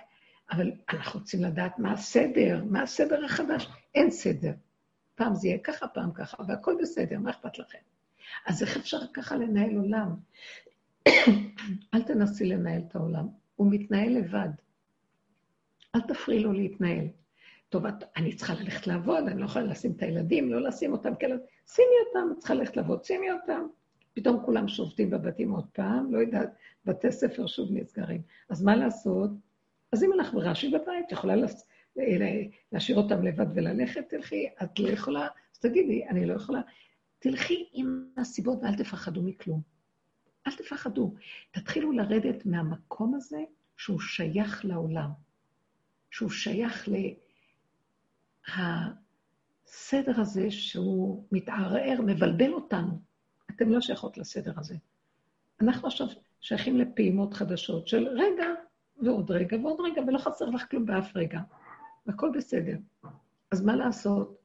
הרגע יראה לך מה לעשות, הסיבה תראה לך מה לעשות. מה אכפת לך? הרבנית. אם אני לא סוערת, הדברים יהיו ברורים. כן. אני בדיוק אה, קראתי עכשיו, מקודם התכוננתי לשיעור מחר, אז קראתי אה, פירוש של הרש"ר עיר, של המתאוננים. ואז הוא כתב שם משהו ממש, ש... כי ממש מעניין, שהוא אמר ש... הוא כותב ש... שהמתאוננים בעצם התאוננו על זה ש... על קרבת, על, על זה שהשם הלך איתם במדבר והיה להם ענן עמוד ה... כן, עמוד האש, ו... ובעצם על הקרבה הזו של השם, זה מה שגרם להם להתלונן, כי הם הרגישו כמו, כאילו הם מתים, והם לא רצו את זה, הם רצו את החוויה האחרת. אז זה ממש הרגיש לי את המקום, את המקום שלנו, שכאילו ה... למה הם התלוננו, בוא נגיד? הם התלוננו כי הם הרגישו שהם מנותקים מהעולם, ו- ושהם קרובים, הקרבה של השם הרגישה שהם הם כאילו הרגישו שהם מתים, שהם מתו מהעולם והם לא חלק ממנו. אוקיי, okay. אז זה מה שבדיוק, אה, אה, ישנה דעה, והספסוף אשר בקרבו התאהבות אהבה. אה, ישנה, ישנו לימוד כזה, שזה אספת השבעים זקנים, זה לא אספסוף הפשוט. האספסוף אשר בקרבו זה העדה, האנשים החכמים, תלמידי חכמים שישבו עם משה רבנו בכולל שלו ולמדו, בבית המדרש שלו. הם התלוננו, הם התאהבו תאווה. כלומר, הם התאהבו שתהיה להם תאווה. מה הם אמרו? אה, נהיינו צדיקים, נהיינו כל כך כבר קדושים, צדיקים, מובדלים, אה, בעץ הדעת טוב, אנחנו טובים מדי, מחפשים איך להיות חשובים, גדולים, יכולים, והם התאהבו שיהיה להם תחושת תאווה בגוף, כי הם אכלו את המן, והמן עשה להם תחושה של נבדלות מהעולם, כי זה, זה לחם של מלאכים, לחם אבירים אכל איש. אבירים זה המלאכים. זאת אומרת, הם לא היו כמו בני אדם רגילים, לא, שמכניסים ומוציאים. לא היה להם פסולת בגלל שהם אכלו את המן. ואז הם הרגישו שהם הפכו להיות כמו מלאכים, אבל הם בני אדם. ומדרגת האדם הוא יותר גבוה ממדרגת המלאך. כי המלאך נברא ביום שני והאדם נברא ביום שישי, והאדם כולל גם את המלאך בתוכו, שזה השכל הגבוה, ו- וגם יש לו תוספות של, של תוואים ושל יצרים, מה שאין למלאך, אז האדם יש לו יותר, כי יש לו את האפשרות הזאת, יש לו את האפשרות הזאת, ויש לו את הסתירה ביניהם, ואז הוא נאבק, ואז יש לו מדרגה אחרת. למלאך אין יצר, והוא לא נאבק. אז האדם הוא בדרגה יותר גבוהה. אז פתאום הם אמרו, אכלנו לחם שנקרא מן, אכלו את המן, ונהיינו מובדלים, ואין לנו חיות של אדם. אנחנו קרים ומנותקים. אז עכשיו, מה רוצה לומר? עץ הדת החיובי לא נתן להם אה, להישאר במדרגה הפשוטה של הקיום. כי באמת נכון, ברגע שהם ילכו עם, עם התוואים שלהם, אז הם יעשו עבירות. אז אם הם כולאים אותם, אז הם נבדלים מהעולם. זה מין משהו שסותר, אוכלים לחם שגורם להם שהם לא, אין להם חשק לחתום, אין להם כלום. אבל מצד שני, זה לוקח מהם את החיות האמיתית. זאת אומרת, במהלך של העבודה שלנו, יש לנו עץ הדעת רע. אנחנו מסוכנים מאוד מאוד, עד שלא ניתנה תורה, העולם היה הפקר גדול. והיה נהרס ונחרב כל פעם. אז באה התורה ועשתה סדר, סור מרע עשה טוב. תזהר לך, בעיקר הסור מרע הוא הכי חשוב. אלו הדינים שכולם, גם הגברים, גם הנשים, צריכים לקיים אותם, שאנחנו לא נעשה עבירות, כן? כל הדברים שאנחנו מאוד נזהרים שלא, לא, בלא תעשה. גם בעשה טוב יש לנו סכנה, כי אז אנחנו חושבים שאנחנו צדיקים והולכים וגדלים וזה, אז יש סכנה מזה, יש מזה. אז עשינו קודם כל סור מרע, שלא נחטא. אחר כך הלכנו לעשות דברים טובים, ואז הרגשנו את עצמנו על הגובה. הם לקחו את המן, הרגישו הם כמו מלאכים. אבל באה העבודה שלנו, ומה עושה? אבל גם עץ הדעת טוב הזה, שאנחנו כל כך מפחדים מכל דבר, ניתק אותנו באמת מאיזשהו מקום, מהטבע הפשוט הקטן שלנו, שאז אנחנו מנותקים מהחיים האמיתיים, וזה בדיוק מה שאני אומרת. אז התודעה החדשה שבה מורידה אותנו מתודעת עץ הדעת החיובית. כל מה שעשינו קודם כל בעבודה שלנו, זה להסתכל על עצמנו ולראות שאנחנו לא כאלה חיוביים, ואת כל החיובי שלנו, לראות בו את השלילה, להישאר בפגם, להישאר כל הזמן בפגם. זה קשה לבן אדם שרוצה להיות חיובי, אבל לאט לאט הוא מתחיל להבין שהוא רק מדומיין שהוא חיובי. באמת, אה, הוא כולו שלילה אחת גדולה. אחרי כמה זמן הוא רואה, טוב, עם כל זה שהוא שלילה גדולה, אין, אין לזה סוף, הוא לא יכול לצאת מזה, אז הוא נשבר. אז אומרים לו, לא, אל תישבר. זו המציאות של האדם, אל תיתן לזה משמעות ולא פרשנות ולא שום דבר, רק תראה שזה ככה, ותתעייף כבר מלהתעסק עם זה. ואז הוא מגיע למקום החדש שאנחנו מדברים עליו. הוא חוזר לטבע הפשוט הקטן שלו. הוא רוצה לאכול, הוא רוצה לעשות דברים פשוטים, הוא רוצה להתנהג כמו ילד שיש לו טבע ויצרים, והוא מקיים את היצרים האלה, הוא בא כמו ילד שעושה מה שעושה, אבל זה לא, זה כבר לא שודד אותו, זה כבר לא פגם, כי הוא קטן, כי הוא מוגבל, כי הוא כבר כמו ילד קטן. ילד קטן לא יכול לעשות עבירה גדולה, הוא יכול לעשות משהו קטן. אז במקום הזה, הטבע, הם רצו טבע, תחזיר, תחזיר אותנו לטבע הקטן, כדי שנוכל גם כן להיות במדרגת בני אדם שלא חוטאים, אבל גם שלא מנותקים מתחושת החיות, כי עיקר החיות נמצאת בתוואים וביסודות, וזה הלב, הלב זה המידות. שם זה יסוד התוואים של האדם, המידות של האדם, המידות שבלב. אה, בעוד אה, אה, אכלו מהמן, הם היו כמו מלאכים, שכליים, נבדלים, בלי תחושה של יצר. אז הם רצו את המקום הזה שאנחנו מדברים. תן לנו את הלב, לחיות וליהנות מהחיים, וגם להיות במקום הזה שנהיה במציאות של הרגשה של טבע, אבל גם מצד שני אנחנו צריכים שלא, שלא נחטא. זה המהלך השלישי.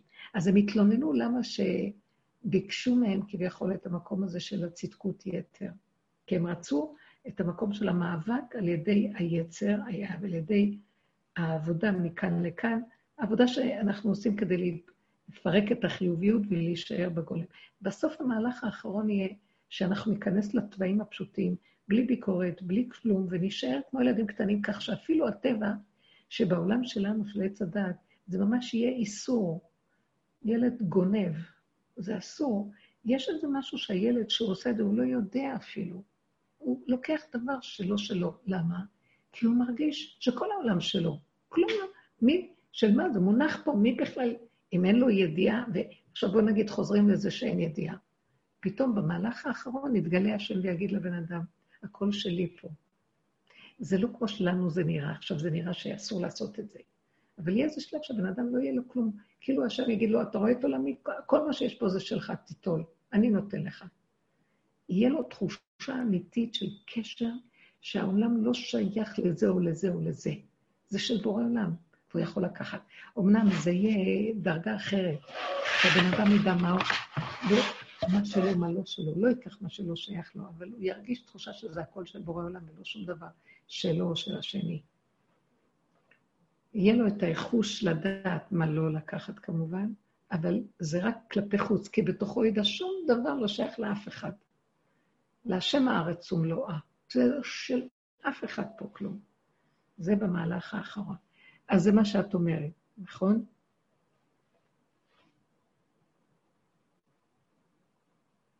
זה מה שהרב שמשון הירש אמר בפרשה? כן, כן, לא, לא עבד לי, סליחה. אני מנסה לחבר אותה למקום הזה שאנחנו נמצאים בו.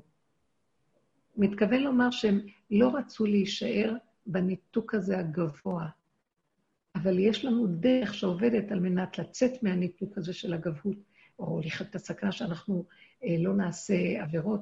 מצד שני, על ידי זה שאנחנו מתבוננים כמה אנחנו פגומים, אנחנו יכולים באמת ליפול בעבירה, אבל על ידי זה שאנחנו מבקשים מהשם ומתבוננים לעומק, עד שנהיינו תשושים כל כך, שכבר לקחו מאיתנו גם את השכל הזה שחושב שזה הוא עושה. זה מה שאני אמרתי לכם. הדבר הזה יביא אותנו למקום של אמיתיות בהכרת האין אונים של האדם, ויהיה גילוי מלכות השם. מה שהרב אה, רפאל עיר, שמשון רפאל עיר זצ"ל אומר, זה, הוא, הם לא רצו להיות במקום של הצדקות, במלאכיות, הם רצו להיות במאבק של מציאות האדם, שהוא מפרק את תודעת עץ הדעת טוב מפני הרע, או את הרע מפני הטוב, עד שהם יגיעו למקום, הם רצו לחיות במאבק הזה, ולהיות בתוך התאווה על מנת לאפשר לעצמם עבודה. אנחנו באים ואומרים מדרגה יותר עמוקה, גם את העבודה הזאת כבר אנחנו עייפים ממנה, סוף הדורות, והפרשנות תהיה שאנחנו בכלל לא רוצים לעשות שום עבודה. ולא רוצים, רוצים לחזור לתוואים הקטנים. אז אנחנו יכולים לעשות עבירות אם נחזור לטבע. אבל יש שם משהו שיחזיק אותנו. הקטנות, התשישות, הניקיון הפנימי, השם ימול את לבבינו, שלא נימשך, לא נימשך, הגבול ידע עד איפה הוא יעשה. וגם אם הוא יעשה יותר, זה לא תהיה עבירה, כי זה השם הוליך אותו שם, הוא ידע שזה לא הוא. הוא ירגיש בעליל את ההשגחה של הסיבה שמובילה אותו, והוא לא יישבר, כי הוא יראה שיש שם השם. זה המהלך החדש שאנחנו נכנסים אליו, לא נישבר מכלום, כי עכשיו נראה שזה השם. ויגמר המקום הזה של עבירה. ועבירה זה לא עבירה, זה כן עבירה, הבחירה הזאת של העבירות יגמרו, והבן אדם יישאר כמו ילד קטן, שהוא לא יודע כלום ויש מי ששומר עליו ומחזיק אותו. מה שרבי רפאל שמשון הירש מדבר, זה פרשנות מסוג אחר. כאילו הוא אומר שאז במדבר, הם לא רצו להישאר בצדקות של המלאכים, הם רצו לקבל את העבודה של סור מרע ועשה טוב. הם רצו את, המלך, את המלאכה של המאבק של הבחירה. הם לא רצו להיות מלאכים שאין להם בחירה. אוקיי, נמשיך הלאה, כן.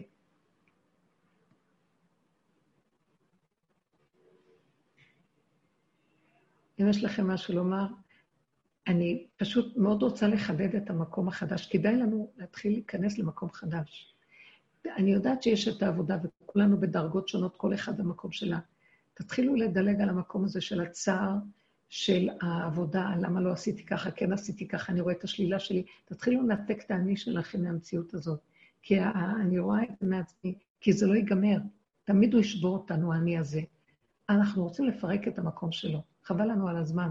תלכו לכיוון יותר למטה, תשאירו את האני בחוץ. לא רוצה להיות גדולה, לא רוצה להיות צדיקה, לא רוצה להיות יכולה, לא רוצה אה, לבקר את השני למה הוא לא, כי כאילו אני כן. בואו נעזוב את כל המדרגות האלה ונישאר ונודה באמת. אנחנו לא יכולים, אנחנו קטנים, מבקשים לך להתגלות עלינו, ורק אתה תשמור עלינו מתוך המציאות של הכרת הפגם. כי זה הטבע הפשוט שבראת לי, תחזיק אותי. התעייפנו, תתחילו להכיר כמה אתן עייפות. כמה התודעה הזאת לא תיגמר. אנחנו, היא ניזונת מזה שאנחנו נותנים לה ממשות, היא ניזונת מאיתנו. היא ניזונת מהחרדות שלנו, מהפחדים, מהרצון שלנו להיות טובים. תצפצפו על הטוב הזה, זה טוב של שקר ורשע, זה לא נכון. אה, מישהי אמרה לי היום, קשה היה לי שאמרת באחד השיעורים שצריך להישאר בתחושה שאנחנו רשעים. אז אמרתי לה, לא התכוונתי שאנחנו רשעים, התכוונתי שהתודעה רשאית. כל מה שלא נעשה, התודעה הזאת כל הזמן אומרת לנו, אוי ואבוי, מה עשיתם? אתם צריכים להיות צדיקים. והיא הרשאית הכי גדולה. לא נדרש מאיתנו להיות צדיקים. נדרש מאיתנו להישאר גמול כגמול עלי אמו, כגמול עלי נפשי. אי אפשר שהאדם הזה בעולם הזה, תחת התודעה של עץ הדת, יעשה טוב ולא יהיה חטא. אין צדיק בארץ אשר יהיה כזה. אין כזה דבר, כי היא רוצה שאנחנו, זה בא מיסוד שהנחש אמר לאדם, אם תאכלו מעץ הדעת וייתם כאלוקים, לחווה הוא אמר. זאת אומרת, כל הזמן אנחנו רוצים לשאוף להיות מושלמים כאלוקים. אין כזה דבר. תמיד האדם הוא אדם, ואלוקות זו מדרגה אחרת. השם ברא את האדם להיות אדם. וכשהוא יכיר שהוא אדם, ויפסיק עם הגדלות שלו, ויודה בפשטות שלו, כמו שדוד המלך הודה, כי הוא ראה את העבודה הזאת שהוא צריך לעשות, אחרי שהוא כבר גם היה צדיק והכול, כל כך הרבה אין ספור ניסיונות השם הביא לו של נפילות, שבסוף הוא אמר חטאתי נגדי תמיד. מה אתה רוצה ממני, השם? שאני לא אשאף לגובה, בחנני, נשני, כי חסיד אני, וכן כל המידות האלה, אלא, והוא היה צדיק וחסיד, אלא הוא אמר, ריבונו שלום, אתה, כל הנפילות שיש לי, כי אתה רוצה ממני פשוט להכיר שאני לא יכול. אתה רוצה שאני אעשה את תיקון האדם הראשון. אכלנו מעץ הדת? אכלתי ואוכל, אני לא יכול להפסיק. אני תמיד ארצה להיות גדול. אז אתה יודע מה, ריבונו שלם? אל תביא אותי למקומות האלה, אל תביאני לידי ניסיון ולא לידי ביזיון. תן לי להיכנס לקטנות שלי, להודות באמת שאני פגום, אני קטן. אני תמיד חסר ואתה השם מושלם. אני מקבל על זה בהשלמה גדולה ואפילו בשמחה גדולה. יש לי שם שלוות הנפש. תן לי את השלווה הזאת. תן לי את המקום הזה שיפסיק כבר המקום של החרטה והווידוי והתשובה, והכאבים והמצפון. לא יכול לסבול את זה יותר. תן לי להישאר במקום של הקטנות, ומשם תוציא אותי מהתודעה הזאת. ונחזור להיות כמו שהיינו בגן עדן. המהלך החדש רוצה להיות שרק נודה שאנחנו לא יכולים. לא להתחרות במקום הזה שאנחנו רוצים להיות יכולים. והשיוורון שיש לנו כשאנחנו רואים את עצמנו שבורים ולא יכולים, מזדהים עם האני שרוצה שנהיה צדיקים, הוא השקר הכי גדול שיש. הוא מונע מאיתנו לבוא למקום החדש, שנשאר איך שאנחנו, ואין טענה להשם עלינו. ואם יש לנו איזה יצר, היצר הקטן של תור, שאדם כבר נהיה קטן, הוא הולך טוב, משהו עוצר אותו. השם שומר עליו והוא נמצא שם, והוא לא ייתן לו לחטוא, זה ברור. זה המהלך שאנחנו מחפשים. בתודעה החדשה יש מקום כזה של שקט ושלווה, ואיך שאני ככה זה בסדר. ועכשיו אנחנו לא רוצים... אני יכולה לשאול? כן. אני יכולה לשאול משהו? כן. זו רות. בבקשה. אמ, הרבה דיברת, לא הפעם, אבל תמיד על ה... על התהליך של העבודה, שזה יהיה, ותשחק ליום אחרון, שנביא את זה עכשיו. כן. איפה מתלבש גם עוז והדר לבושה של הלפני כן? איך זה הולך לנו? העוז והדר זה שהיא לא מפחדת מהנפילה. כי היא יודעת שהיא מציאות של נפילה. עוז והדר זאת אומרת, כמו שאמרתי קודם, במקום שהבן אדם משלים עם הפגם שלו לחלוטין, ומקבל ורואה את מציאותו האמיתית שהוא לא יכול, ושהוא לא אמור להיות יכול, הוא מתחיל להחכים ולהבין שזה יש לו על הראש תודעה של נחש, ששודדת אותו וכל הזמן אה, אה, מסיתה אותו אה, לשאוף לגדולות ולנצורות ולהיות יכול. וניחא, אם הוא היה מגיע פעם למשהו, אף פעם לא מגיעים לכלום. ברבות הזמן הוא רואה, הוא, יכול, הוא חושב שהוא מגיע, ומשהו לא הגיע, תמיד יש עוד איזה מקום שיכול להגיע יותר, ועוד איזה מקום, ואז יש לו צער למה עוד לא הגיע, ואז הוא יודע שהשני יותר והוא לא.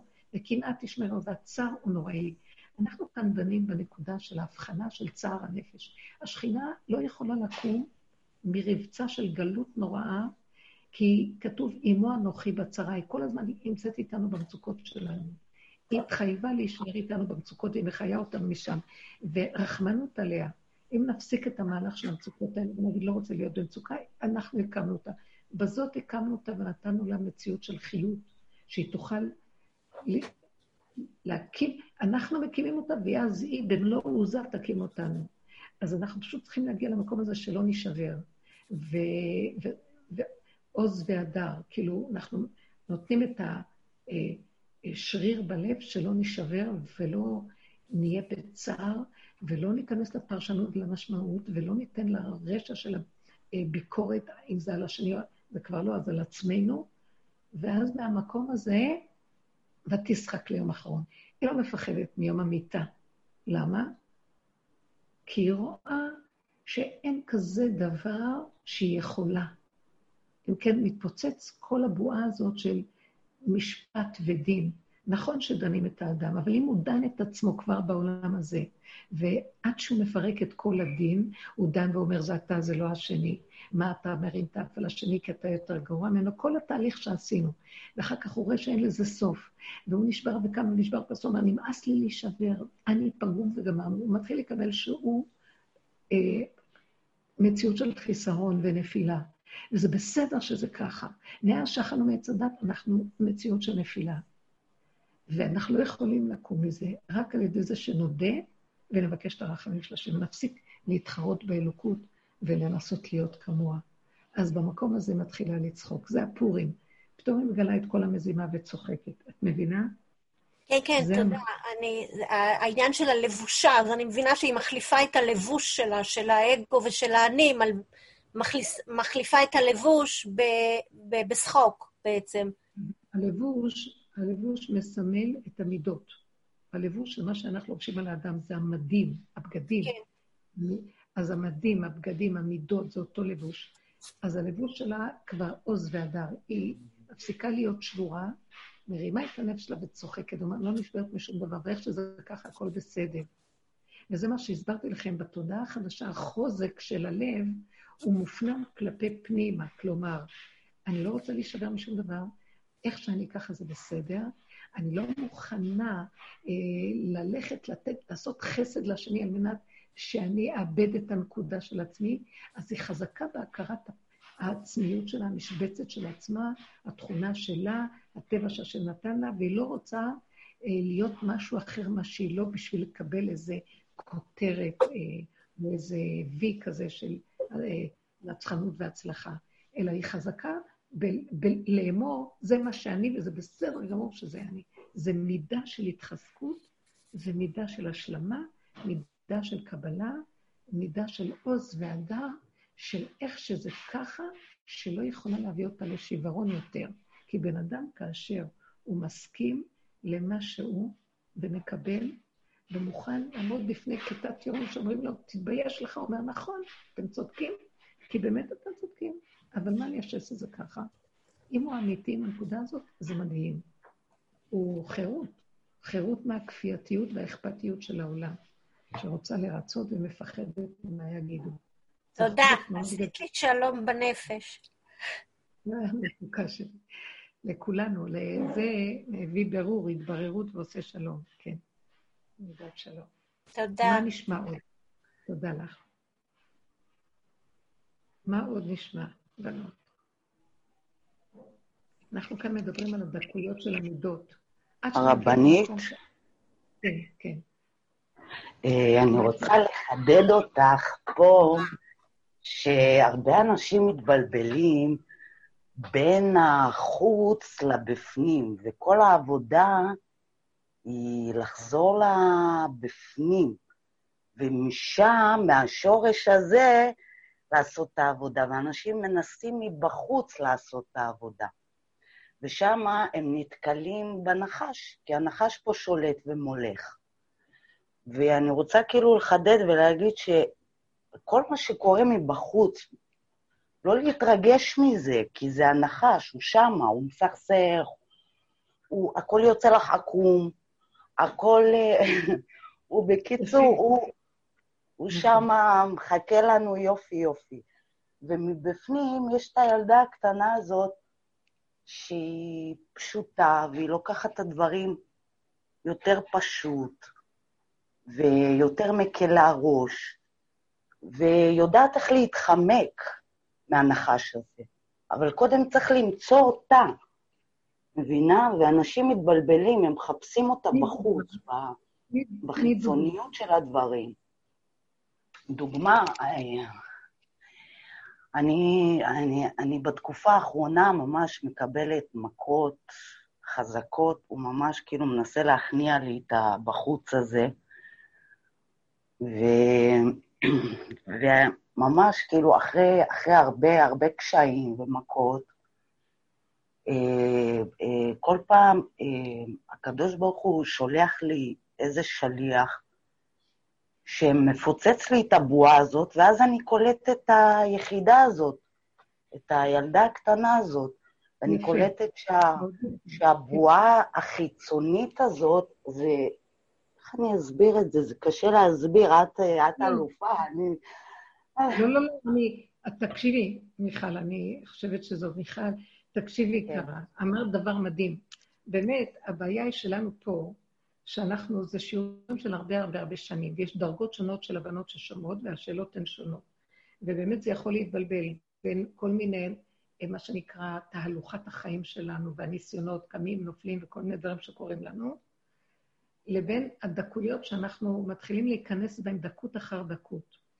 ואת אומרת שצריך לעשות הבדלה. ואמרת דבר מאוד מאוד נכון ויפה, שהגדרת את זה, שהמהלך של התודעה של עץ הדת שבחוץ היא מהלך חיצוני, זאת אומרת, הגירוי תגובה והצורה שאנחנו מסתכלים וחושבים על העולם, ישר חושבים, ישר מביעים, ישר אנחנו מתרגשים, אנחנו שופטים, דנים וכן הלאה, היא חיצונית והיא שייכת לנחש. והנחש הזה רק מחכה איפה להפיל אותנו במקום הזה. נכון. ואילו את עכשיו אומרת שמרוב המכות שמקבלים, כי אנחנו שוכחים, אנחנו טיפשים, תמימים, טיפשים. לא, אנחנו חייבים להשתמש בחיצוניות, אבל אה, לא להאמין לה, לא להתרגש ממנה, כאילו, להשתמש בקטן, כי אין ברירה, אנחנו כאן. אבל מיד לחזור ל, ליחידה ולא לא לתת uh, משקל לחיצוניות, לדעת שזה... יפה. זה שקר. זה... בדיוק. ההתבוננות שלנו היא לא, מה שהגדרנו, לא להתרגש. לא להתרגש זה לא לתת ממשות רגשית. זאת אומרת, לא לקחת ברצינות, לא להיות גדולים ואחראים ולא להאמין, במרכאות, לתודעה הזאת. אז אנחנו בעולם. עכשיו, כל פעם שבא לי איזה משהו שמתחיל לסעור, הברומטר של המצוקה מראה לי, יצאתי רחב מדי, התכנסות פנימה. אני מתכנסת פנימה, אז אני רואה בעצם, זה לא השני, זה אני. גם עם עצמי, אסור לי לדון, לשפוט עצמי, ולאט לאט נגיע למקום שנקבל את עצמנו איך שאנחנו ונבקש, אין לנו כבר כוח יותר. אה, נזהר מלשים את הראש בחוץ, כי נושכים. עכשיו, אנחנו כבר כן. הגענו למקום שאנחנו, היום תיארתי לעצמכם שיצאתי והסתכלתי, והסתובבתי וראיתי. וכאילו הרגשתי שאני בתוך היחידה והעולם לא יפריע לי. בגלל שכבר במוח, כאילו נפל אותו מוח שהוא שולט בה. כן, כן, יש את הדבר הזה. עכשיו, יורדים למקום הזה ממש. נכון. משהו עכשיו מתגלה שעוזר לנו מאוד מאוד, אומר, בואו אליי, שובו אליי, תיכנסו פנימה. כן. זה לא אומר שתשבו בבתים, זה אומר שתצאו החוצה, אבל אתם לא תלכו עם המוח של העולם. אל תיתנו ממשות, אל תגיבו, אל ת, תרוצו לדברים. תהיו יותר באיפוק והפנמה של עצמכם, תתחילו לחיות מוח חדש.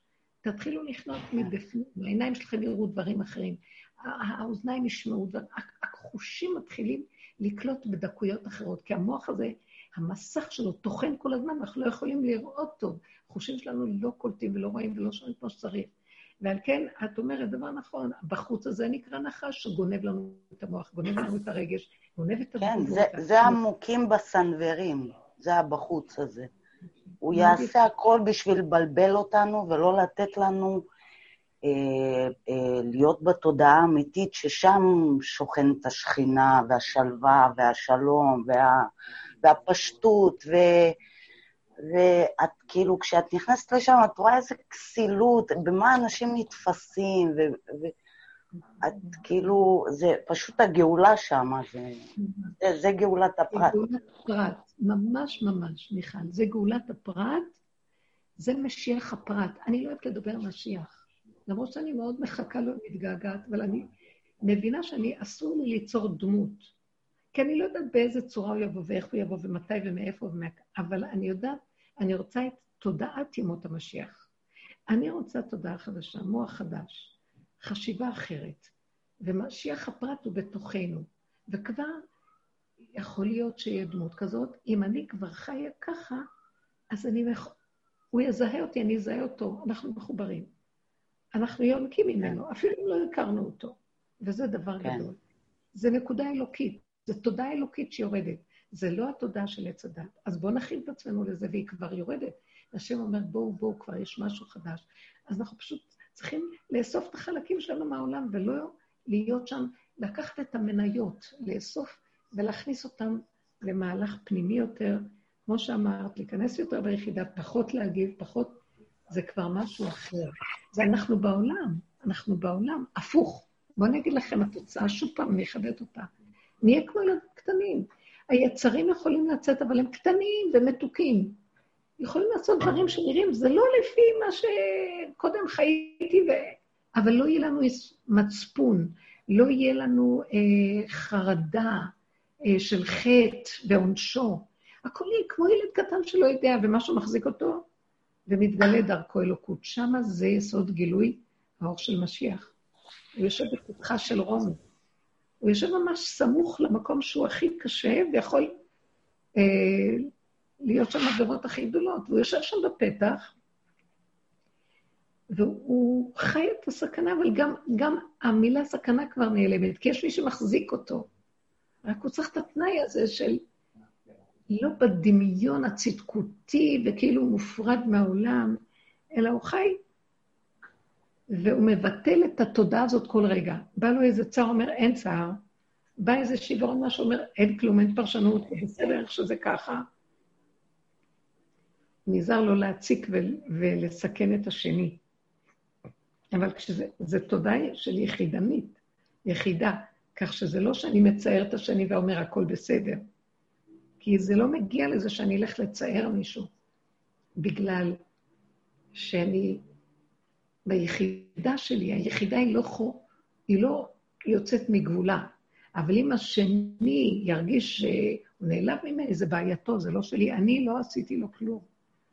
את מבינה? זה מקום מאוד יפה של איזון ושמחה פשוטה, ושם מתחיל להתגלות תודעת האלוקות, שהיא תודעת הטבע. האלוקות, גילוי האור החדש, גילוי הגאולה, ימות המשיח, היא רוצה את הטבע הנקי הפשוט. היא לא רוצה שום שכל ושום תחכומים ושום אה, השגות והבנות ואינטלקט. היא רוצה טבע קטן, נקי, פשוט. לב, היא רוצה את לב הדבר, אבל לב נקי. כן. הרבנית? כן. אה, זאת ורד. כן, שלום. שלום, המון המון תודה. אה, יש לי גם ככה שאלה וגם בחינה. כן. השאלה זה באמת, כאילו, את יודעת, התשוקה היא כל כך גדולה להיכנס ליחידה. ופשוט להיות בה קטנה קטנה, בלי ימינה, בלי שמאלה, בלי למעלה, בלי למטה. ולפעמים המוח מחרפן את הצורה, ממש.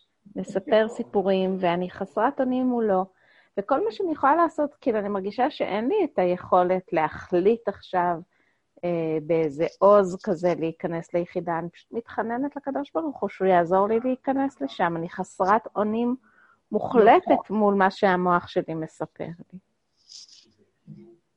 והתחינה זה התחינה לזכור שאין לי שום דבר עם אף אחד, אני מתחננת על נפשי, שזה ייכנס לי לתאים, שזה יהיה הזיכרון של התאים שלי. כן, נכון. לבקש, זה המקום של התפילה והתחינה, ולבקש.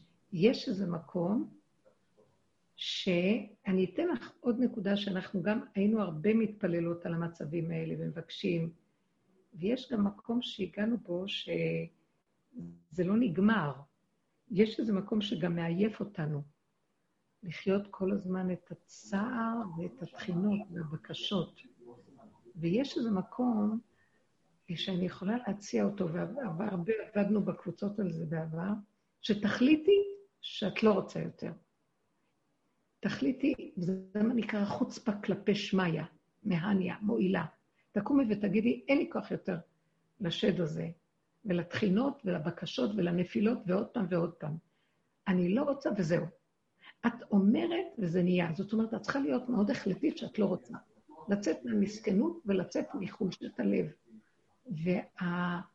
והרפיון הזה של ה... גם התחינות הן חשובות, אבל יש איזה מקום שזה מה שנקרא בעוז, חגרה בעוז מותניה, אה, לבושה הופך להיות עזות, ולהתחיל להגיד, לא רק להתחנן, רגע אחד זה תחנונים, וגם רגע אחר את יכולה גם להשתמש ולהגיד, מה כוחי? אני לא יכולה יותר להמשיך ואני לא רוצה יותר. אתה יודע מה? לא בשבילי יותר. לא יכולה לסבול את המשוגע הזה על הראש שלי. תיקח אותו וזהו. את יודעת שהבן אדם מצווה, השם מחכה שהוא יצווה עליו. ואומר, ניצחוני בניי. זה לא רק להתחנן, כאילו, אתה בשמיים ואני פה ואני מתחננת, נו, תעזור לי. זה לקום ולהגיד, אתה תהיה בשמיים, לא בשמיים, תרד לארץ, אתה לא יורד לארץ, אז אני אגיד לך מה צריך לעשות. ככה עושים פה. פה מחליטים. זה מאוד יפה.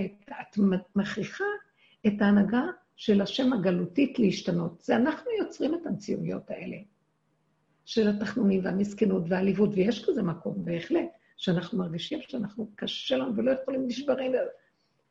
אה, יש איזה מקום שאני בסוף אומרת, טוב, בואי תשלימי עם הכל איך שזה ככה. ואחרי שאני משלימה ונהיה לי שקט, פתאום עוד פעם המשוגע הזה מנדנד לי במוח ומציק לי, עוקץ אותי. ואז את חייבת לקחת את כל העצבים שיש לך והרוגז, ורק עליו, ולא על שום, לא אף פעם על אדם ולא על שום דבר, רק לתוך הנקודה הזאת של היסוד הזה, ולהגיד, אבל ריבונו של עולם, אני לא יכולה יותר מדי לבקש, ואיפה אתה? ממש להטיח ולהגיד. אני ראיתי שאנחנו מדברים חזק, אפילו כמה בנות אמרו שלא פעם יצא להם קללה. והקללה הזאת היא לא חלילה כלפי השם, היא כלפי הדמיון שיושב לנו במוח של השם, שאנחנו מרצים אותו בקורבנות כל הזמן. ויש איזה מקום של להגיד, אין, כל מה שלא עשיתי אני לא יכול. אה, דוד המלך אומר, אחר כך יש לו מקום שהוא אומר, משם הוא מגלה לנו שהוא היה עושה את זה, איך עולות תמיכים אלה לך בקר עם עתודים אה, על כי דיבר פי בצר לי. הוא אומר, אה, אני, אני, אני אפייס אתכם קורבנות על מה שפעם דיברתי כשהפה שלי היה, כשהייתי במצוקה. דיברתי אליך חזק, עדיין יש לו קצת איזה מצפון שם. אבל באמת, באמת, אני, לפעמים אנחנו עומדים ומה, אני שמעתי שפעם הרבי מללוב היה בגליל שם, ביערות, פתאום הוא רואה איזה דמות מסתובבת שם בתוך היער וצועקת עם פנים אדומות אדומות וידיים כלפי שמיא, כאילו עושה איזה מלחמה, מנפף חרבות. ואז הוא שם לב שזה רב אושר. כשהיה נוסע לרבי שמעון, היה הרבה מתבודד שם. זה, זה הצעקה, עד מתי? והאדם צריך להוציא את זה ולעשות ברוגז עם השם במרכאות, לעשות ברוגז עם ההנהגה הזאת. כמה עוד, כמה עוד אתה רוצה ממני סבל, לא מוכן יותר לסבול, ותחליטי שאת לא רוצה יותר לסבול. תחליטי שאת מצפצפת, לא רוצה יותר לסבול. אתם יודעים שרק אנחנו נפסיק את התודעה הזאת? זה לא ייפסק אם אנחנו לא נפסיק אותה. אם לא תחליטי שדי, לא יהיה די. כי זו תודעה שאין לה די, היא סזיפית. היא לא נגמרת, פעם ככה, פעם ככה, פעם למעלה, פעם למטה, פעם כן, פעם לא. נותנת לך רגע של סיפוק, רגע של צער. תודה, זה ממש מה שהייתי צריכה לשמוע. לכי חזק, ורד, לכי חזק. ותצעקי, תסגרי את הדלתות, תסגרי את הכל, תצעקי בתוך חדר, לכי ליערות, תצרכי, תגידי לו, אני לא יכולה יותר, תתגלי. רבו שר היה אומר, תמשכו לו את הזקן למטה. תתעקשו. הוא רוצה מאיתנו את הצד הזה שהאדם, זה מה שנקרא עוז והדר לבושה. קומי בעוז ותגידי, אין פה חיים, אין לי מה, אין חיים, אנחנו נקבע. יש איזה שלב שהשם אומר, תשיבו אותי. אנחנו אומרים, שובו אליי. השם אומר, שובו אליי. ואני אומרת לו, השיבנו השם אליך. זאת אומרת, הוא אומר, לא, אתם תתחילו. אנחנו כבר יותר מדי זמן בגלות, ואנחנו מתפללים אליו בשמיים, ושמיים ננעלו. אנחנו צריכים עכשיו להבין שההנהגה היא תלויה בנו. לא רוצים וזהו. אנחנו נקים את המצב הזה. לא יכולים יותר. כשהבן אדם אומר, לא יכול, אני לא רוצה להיות יכול, ואני מבקש ממך שרק יהיה לי חיים טובים ומתיקות. לא מוכן יותר. לא סבל, לא רוגז, לא צער, לא כאבים, לא חרטה. אה, זהו. השם אומר, ניצחוני בניי. הוא מחכה לזה. סבלת מספיק, ורד, סבלנו הרבה, זו דרך שיש בה המון סבל, כי היא סבל של כסילים, כי הוא, הוא מכניס אותנו לרחמנות העצמית הזאת ולקדוש מעונה, שיש משהו כל כך אוהב את זה בפנים, אנחנו אנחנו בעלי מדרגה, עוד מעט נהיה אלוקים מרוב שאנחנו קדושים מעונים. והשם אומר, זה מין דמיון שלכם, שהתחרפנתם בגלות, אתם מדומיינים, מדמיינים מי אני. וכי יש מישהו שיכול, אל מי תדמיוני, יאמר השם, אל מי תשוו אותי ותדמיו אותי, אתם לא יכולים אף פעם לדמיין מי אני. אז לכו עם האמת שלכם, זה מה שאתם כן יודעים, את הגבול שלכם. עד הסוף. כשאנחנו עוד כאלה ובוכים וזה עוד, יש לנו איזה דמיון, שאנחנו עוד מעט תהיה זה ועוד מעט ירחמו והכול, וכמה עברו עלינו דורות. די, די. אתה יודע מה, אתה לא, אתה לא רוצה לגאול? אז אני אגאל את הנקודה שלי כרגע, יהיה לי הרגע טוב, שלום. הכוח הגדול הכללי הזה שחושב השם ועולם וגאולה וכל זה, הוא גדול מדי.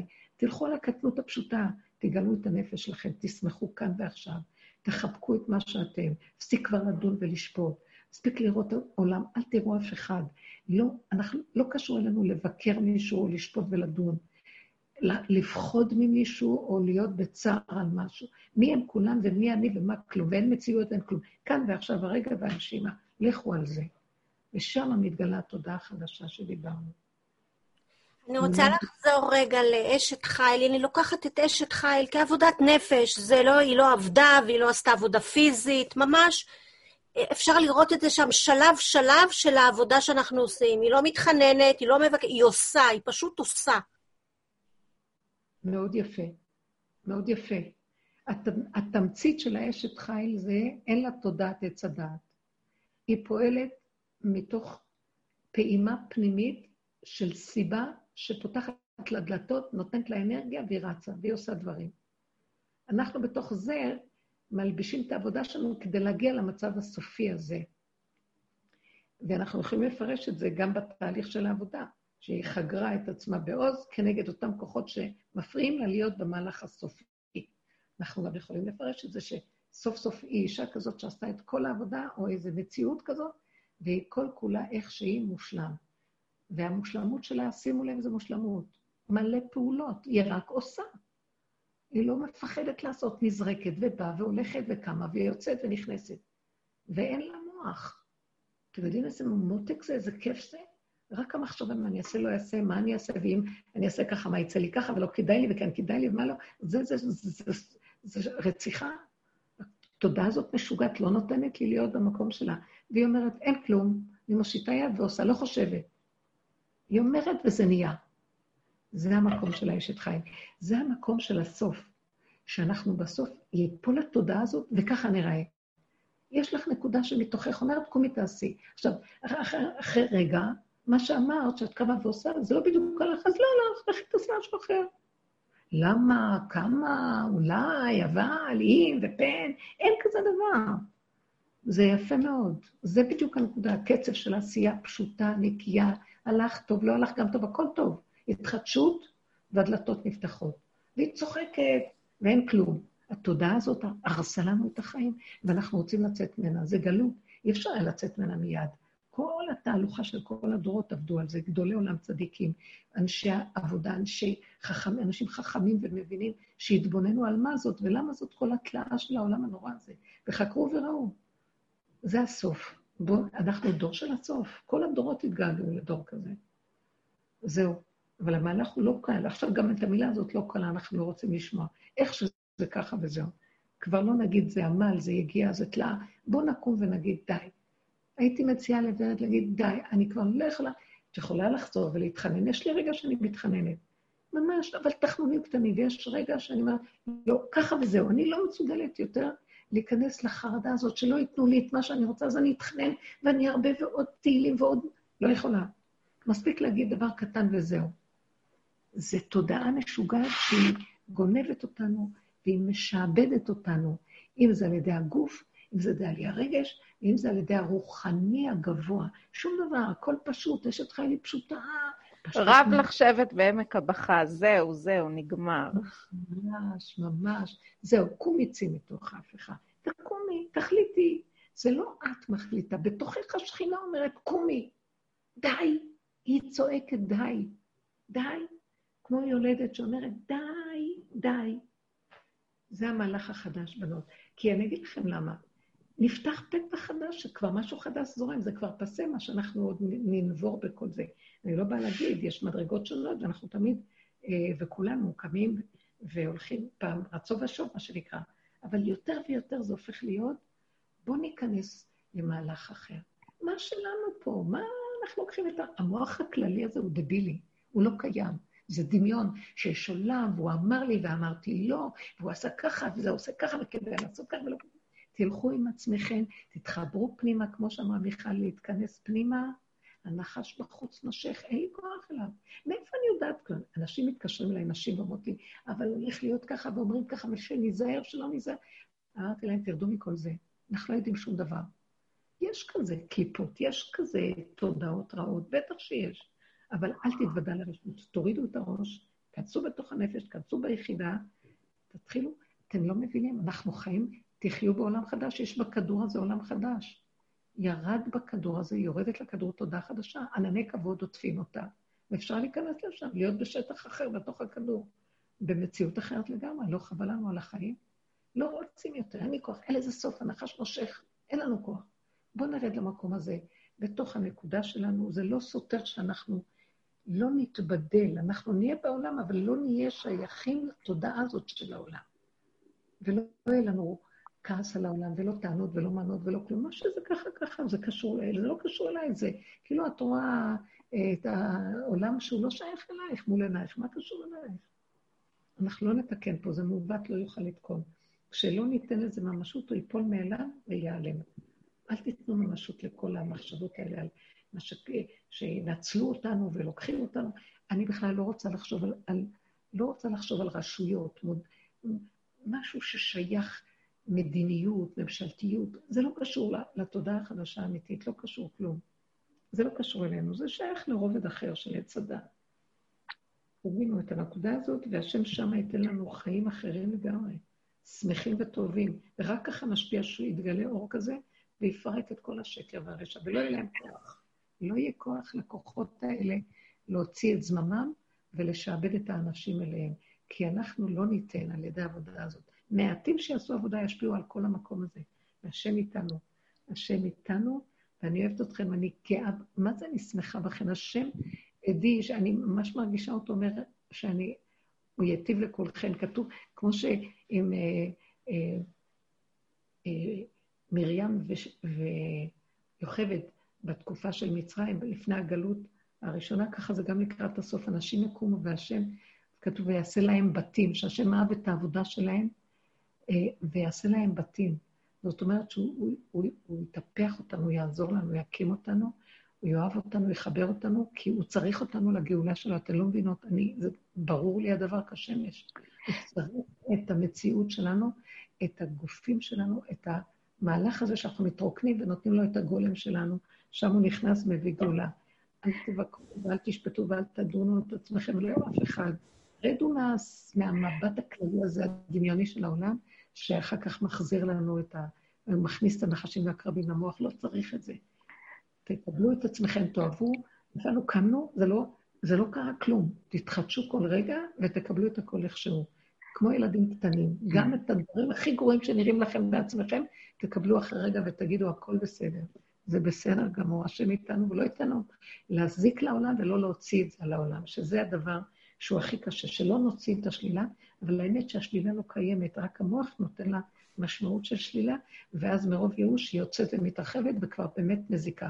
כשאנחנו משלימים, מקבלים, ויש לנו רחמנות על נקודת המציאות של האדם, אז היא לא מזיקה, היא לא מזיקה, יש רחמים, והשם מתגלה ושומר לנו, מודה ועוזב ירוחם. תודה רבה לכן, יקרות ואהובות. תודה רבה. תודה, תודה רבה. תודה רבה רבה. אמיתית. והשם עוטף אותנו ואוהב אותנו, משתמש בנו לגאולה. דעו לכם, בטוח הדבר הזה. תודה. יישר כוח. תודה רבה, יישר כוח. יישר כוח, לילה טוב. מהעבודה שלכם, מתפעלת מהעבודה. אין רמה כזאת בעולם. אני מתפעלת. תודה רבה, השם.